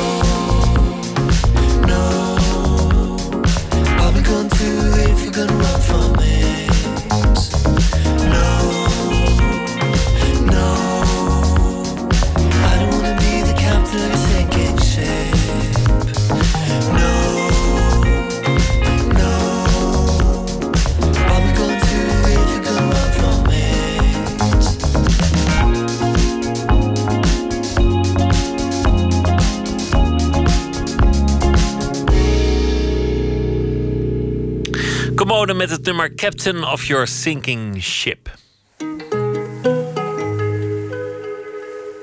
Alles voor het moederland heet het eh, boek van Michel Krielaars over de wreedheden van het Stalin-regime.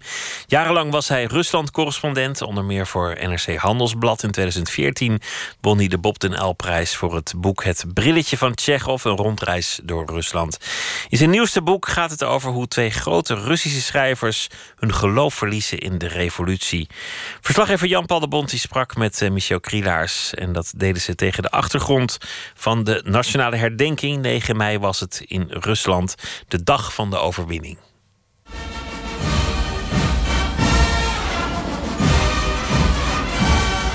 Al dat vlagvertoon van tanks en manschappen en regimenten die dan hoera roepen als een soort zee van stemmen over het Rode Plein. Ik ben er één keer echt bij geweest, in 2010 geloof ik. En eh, ik was geloof ik de enige westerse correspondent die niet op een tribune zat, die helemaal vooraan stond tussen een stelletje oude generaals. En die dachten waarschijnlijk dat ik iemand van de FSB was, want ik was natuurlijk gewoon in een, pak met een regenjas eh, aan. En dan is het tien uur Moskouse tijd en dan slaat de klok van het Kremlin.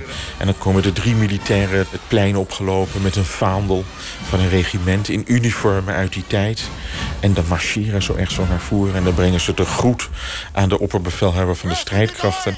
En dan begint er iets eh, waar je bijna militaristisch van zou worden. Want het is zo indrukwekkend met allemaal militaire bands die dan gaan spelen. En die muziek is ook allemaal buitengewoon weemoedig en aangrijpend. En dan denk je inderdaad aan die 27 miljoen mensen die zijn omgekomen.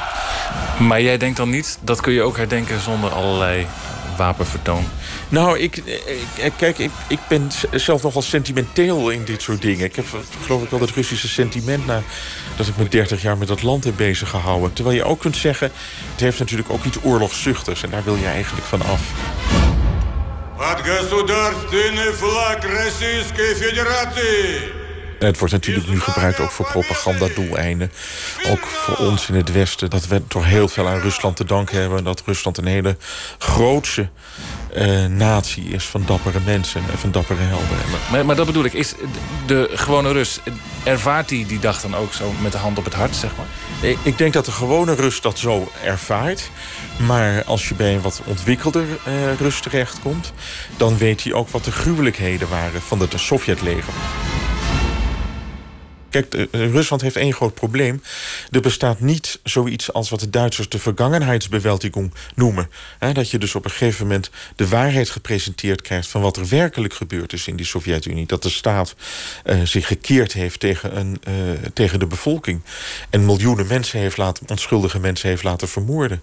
Daar wordt niet over gesproken. Althans, niet eh, voor het hele grote publiek. Dat is iets wat mij toch altijd gefascineerd heeft... omdat ook het huidige Rusland een samenleving is... het is natuurlijk in geen, geen enkel opzicht te vergelijken...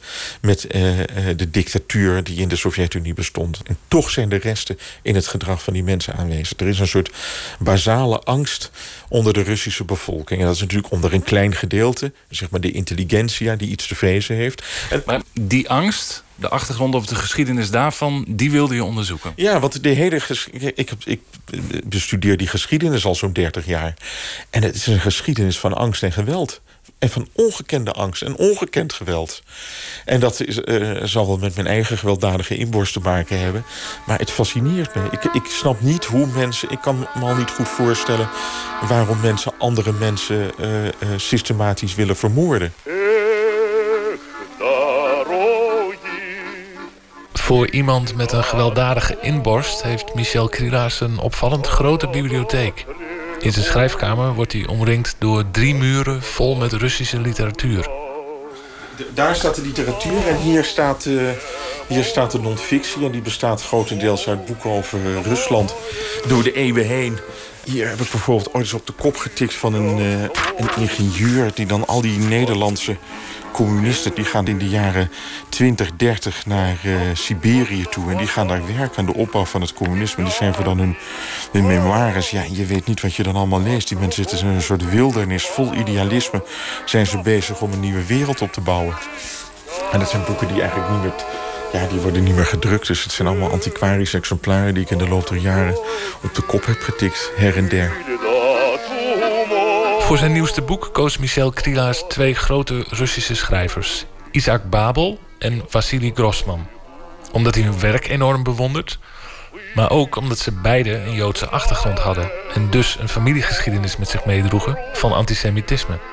Dus ik dacht, ik neem deze mensen, want die waren zo ontzettend voor die revolutie. Want die dachten echt, als die revolutie er eenmaal is... zijn we van het antisemitisme verlost.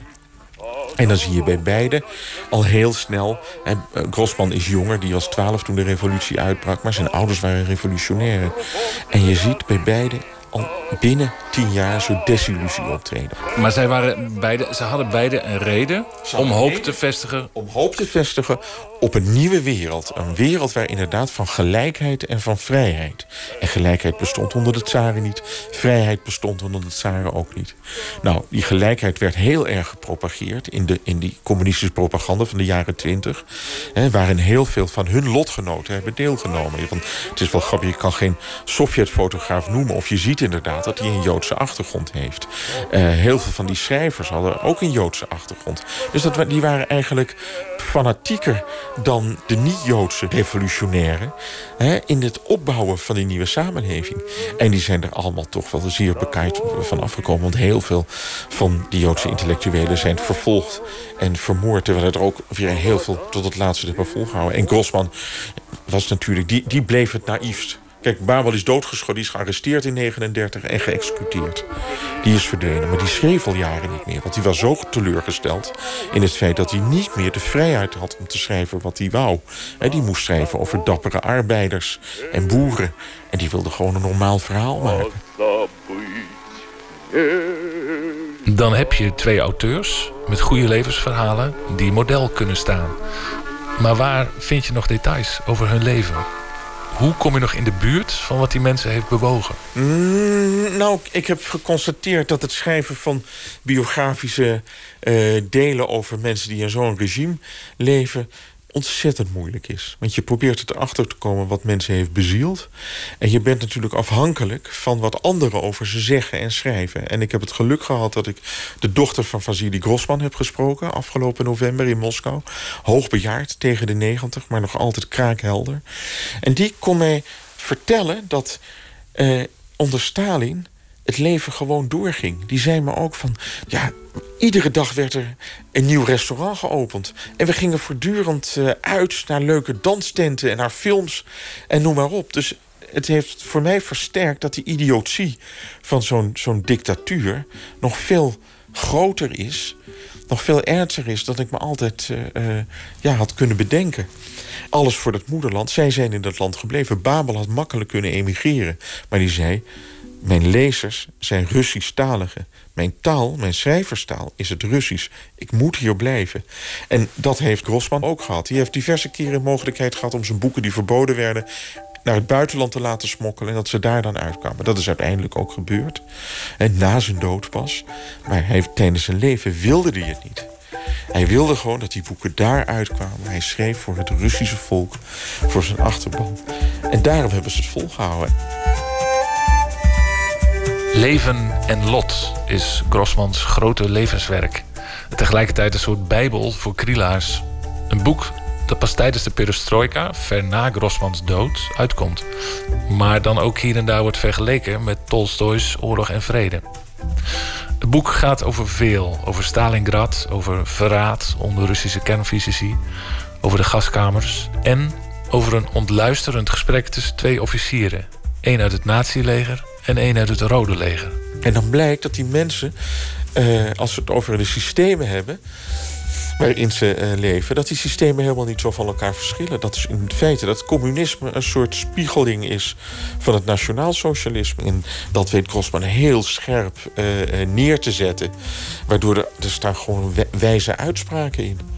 Hoe naïef is het van hem dat hij dacht... ik ik kan dit slijten hier? Nou, behoorlijk naïef zou ik zeggen.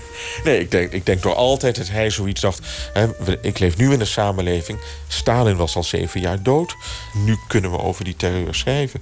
Maar hij heeft nooit gedacht dat hij door erover te schrijven... eigenlijk de wortels onder het hele communistische systeem... aan het uh, uh, doorzagen was. Maar er, er waren natuurlijk mensen in, de, in het literaire wereldje... die hoofdstukken uit het boek hadden gepubliceerd. Want een roman verscheen nooit ineens als roman. Het verscheen altijd in delen in literaire tijdschriften. Dat was allemaal goed gegaan. En dat was allemaal goed gegaan, maar ja, daar stonden niet die confronterende stukken in. En toen hij het geheel inleverde, en toen lazen ze het en dachten: nee, dit kan echt niet. En die zijn toen meteen naar de KGB gerend. En toen ging de hele machine eh, werd in gang gezet. Темная ночь, только пули свистят по степи. Grossman overleed uiteindelijk in 1964. In de veronderstelling dat zijn boek nooit gedrukt zou worden. Terug in het Rusland van nu. Waar Stalin weer geroemd wordt. Maar waar ook nog steeds die basale angst zit. Waar Krilaars over sprak. Zou zijn eigen boek daar nu kunnen worden uitgebracht? Alles kan in Rusland worden uitgebracht. Dat is ook weer het rare van, eh, van de huidige tijd. Toen ik in oktober in Moskou was, was er een eh, run op de nieuwe Stalin-kalender voor 2017. Met eh, twaalf prachtige portretten van Stalin in alle hoedanigheden. En dat ging, die ging echt als zoete broodjes over de toonbank. En tegelijkertijd verschijnt heel veel waarvan je zou denken... God, hoe is het mogelijk? En het is wel zo dat de beste boeken over de Russische geschiedenis... worden geschreven door westerse historici. In Amerika zitten op dit moment, ook van Russische afkomst... voortreffelijke historici die overzichtswerken schrijven over de Sovjet-Unie. Dat soort boeken wordt niet in Rusland zelf geschreven.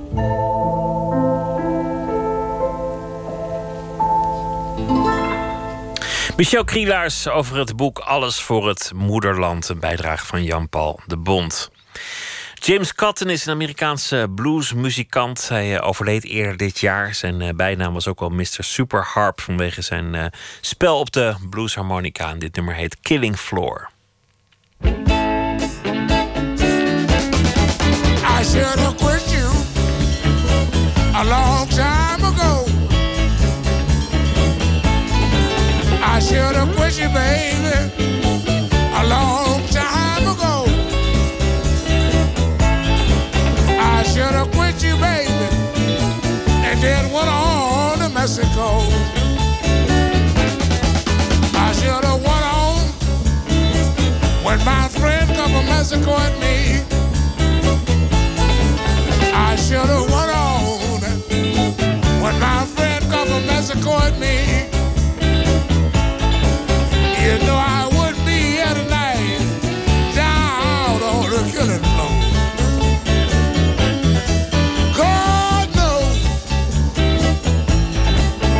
I should have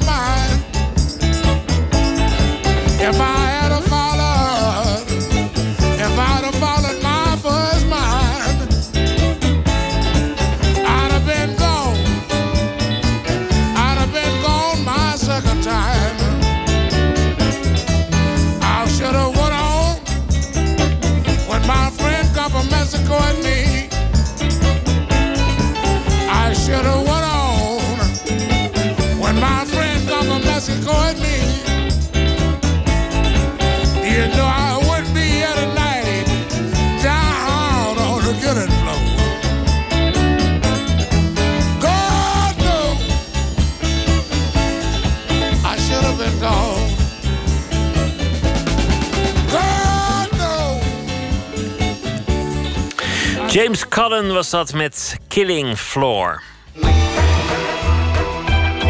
Nooit meer slapen. Schrijver Robert Weelaag debuteerde tien jaar geleden met het boek Lipari. Een decennium heeft hij rondgedwaald in de literaire kringen. Ineens vond hij tijd dat het uh, nodig was om naar de andere kant van die wereld te kijken. Het boek dat daaruit is ontstaan heet Nachtwandeling. Het is een heuse detective. En uh, dat gaat over een wat knorrige detectieve, namelijk Simon Mudde. Die zelf niet heel veel leest. En die krijgt de taak uiteraard om een moord op te lossen. Matthijs Deen die ging met de schrijver Robert Weelage s'nachts wandelen langs de Amstel.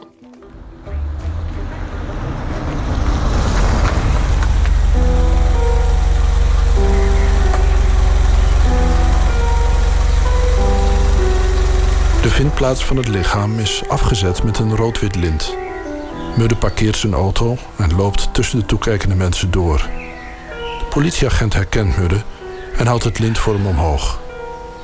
Tien meter verderop staan drie witte schermen op de weg. In al die jaren is Mudde nooit aan de lijken gewend geraakt, maar hij moet kijken. Het slachtoffer ligt doorweekt op zijn rug in een opengeritste witte zak op een brancard. Hij draagt een tweedelig zwart pak, een wit overhemd, een zwart strikje, zwarte schoenen en een lange jas. Vluchtig laat Mudde zijn oog over het gezicht glijden. Het bleke gelaat, de lege ogen, de blauwe lippen. Een grijze haarlok ligt plat over zijn voorhoofd. Mudde kijkt uit over de wijde Amstel. Hij heeft de man vagelijk herkend. Van televisie, uit de krant. Een bekende schrijver. Ja, ja, ja. Even kijken hoor. Die avond, uh, het was een meiavond, begin mei. Het was een lente, lenteavond, het was vrij zacht weer. Dat weet ik nog goed. Dus ik, volgens mij fietste ik vanaf het ambassadehotel uh, met mijn vriendin naar het, Am naar het Amstelhotel. Mijn uitgever stond buiten op me te wachten en die stond te praten met. Met, met wie ook alweer, dit weet ik dan niet meer precies. Ja, ik, uh, ik heb vooral lekker gegeten ook. Je, krijgt een, uh, je mag gewoon aanschuiven. Hè? Je mag, het enige wat je hoeft te doen is komen op tijd. En dan mag je lekker gaan eten een avond lang.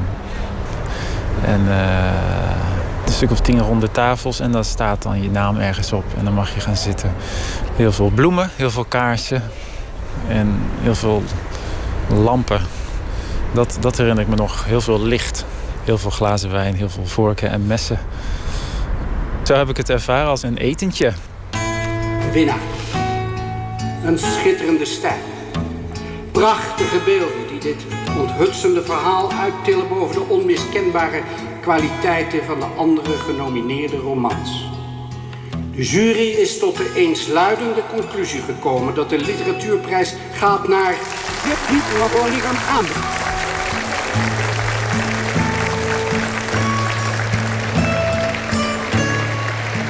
Hij is maar 200 meter ver gekomen van de plek waar hij gewonnen heeft, waar hij de erkenning kreeg en uh, de prijs ontving.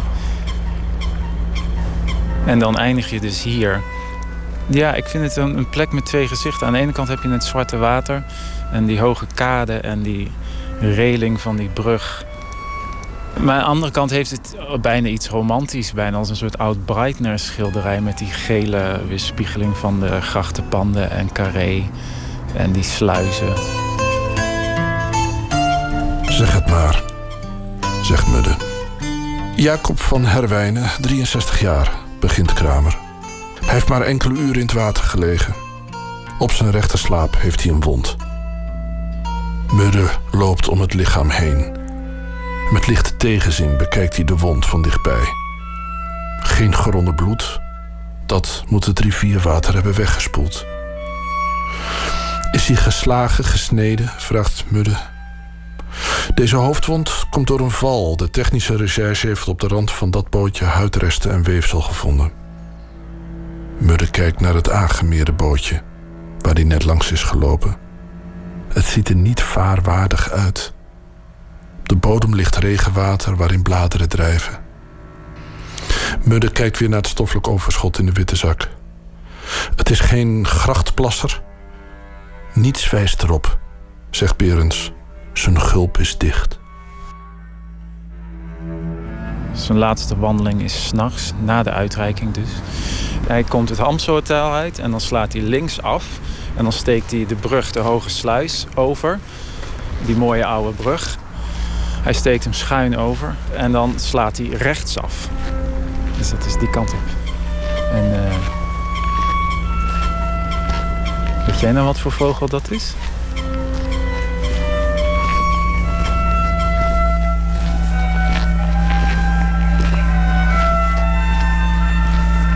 Maar ja, sluizen, sluizen heeft iets nostalgisch, maar het heeft ook iets hards en akeligs. De Amstel is hier best wel breed. Het heeft best wel iets uitgestrekt. En de, eh, de lampen van de, van Carré weerspiegelt op het water. Het een soort grote zwarte put waar je in kan vallen. Het is ook als je eenmaal valt, hoe kom je ook dan weer boven? Hè?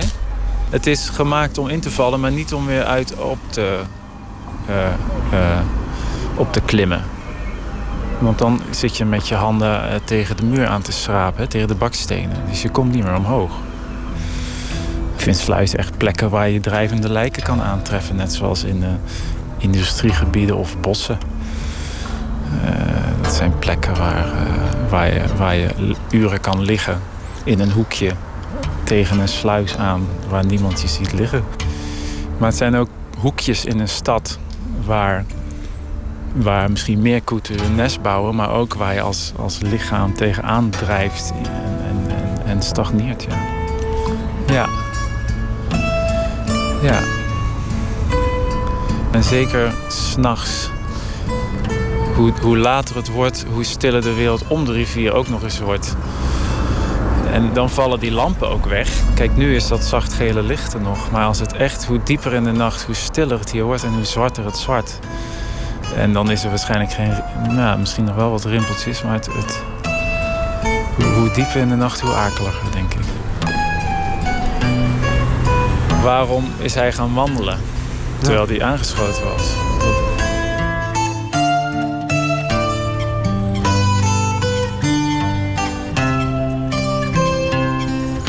Nog een paar jaar, dan mag inspecteur Simon Mudde met pensioen.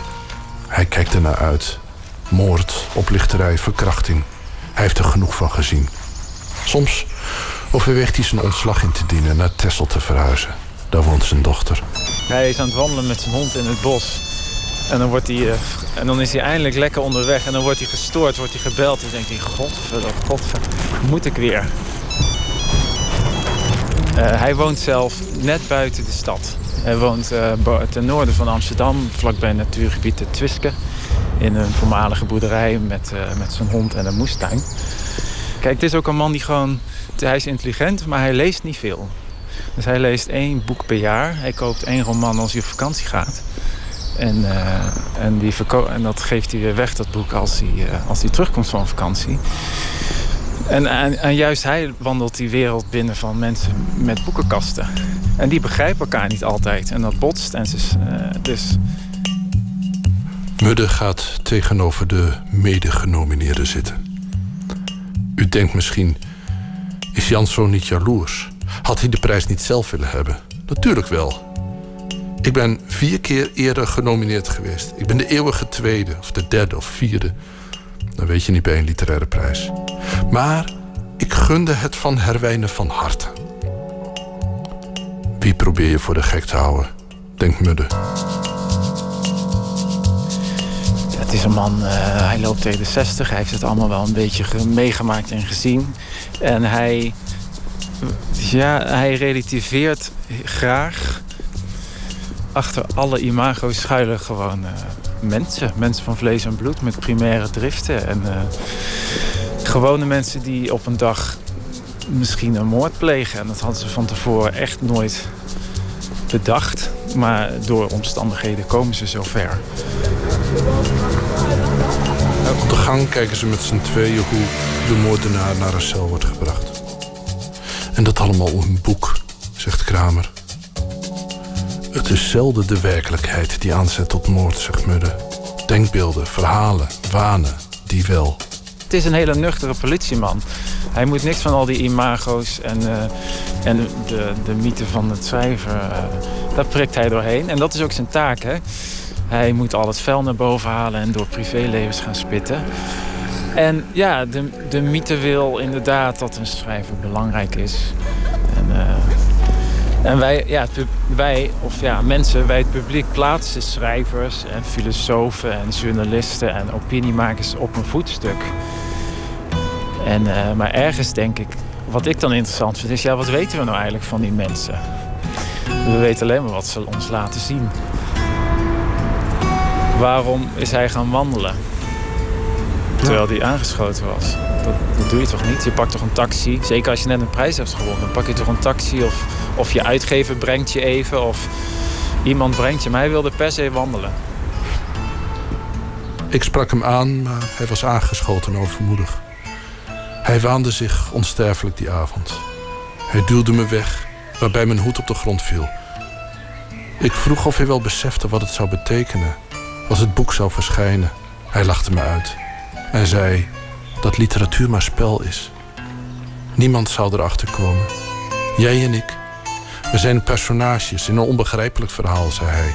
Wij zijn ongrijpbaar. Ik geloofde er niets van. Ik bekeek hem van top tot teen. Die blik in zijn ogen, alsof hij onoverwinnelijk was. Als je uit zo'n uitreiking komt, dan trekken allemaal mensen aan je mouw. En eh, de pers wil je interviewen. En je uitgever loopt constant naast je. Het schudt hij allemaal van zich af. En dan, dan loopt hij dus. Alsof hij niks gewonnen heeft. Dat zegt de portier later tegen de politie. Van. Hij liep eigenlijk gewoon met zijn handen in zijn zakken weg. Alsof, het, alsof hij niks gewonnen had.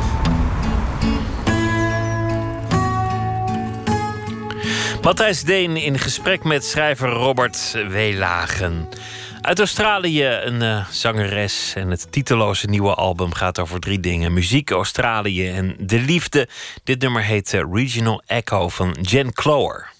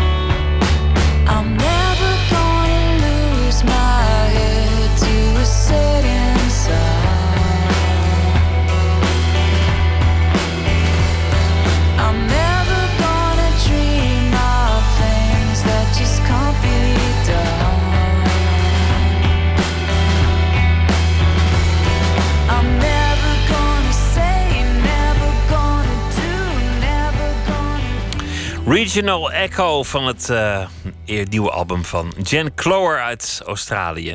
1 minuut, een reeks verhalen in 60 seconden en deze heet Vernedering. Pst, 1 minuut. Ja, eerst heb ik ze van groot naar klein laten staan. Toen van jong naar oud. Op schoenmaat, dat moesten ze dan van elkaar weten.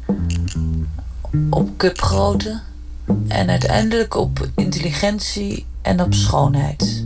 Dus de lelijkste links en de mooiste rechts. Ja, tien van die eerstejaars studenten. Beetje wit om de neus van het slaapgebrek. Ja. ja. Het was echt vernedering. En je deed het alleen omdat je zelf ook vernederd was. Het is niet iets waar ik graag over praat. Maar laatst fietste ik door de stad en toen kwam ik een van die meisjes tegen.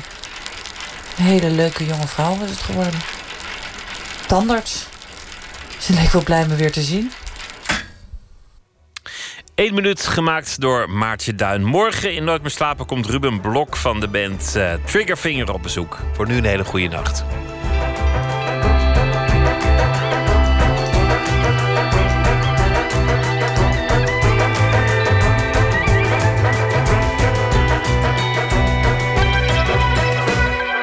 Radio 1, het nieuws van alle kanten.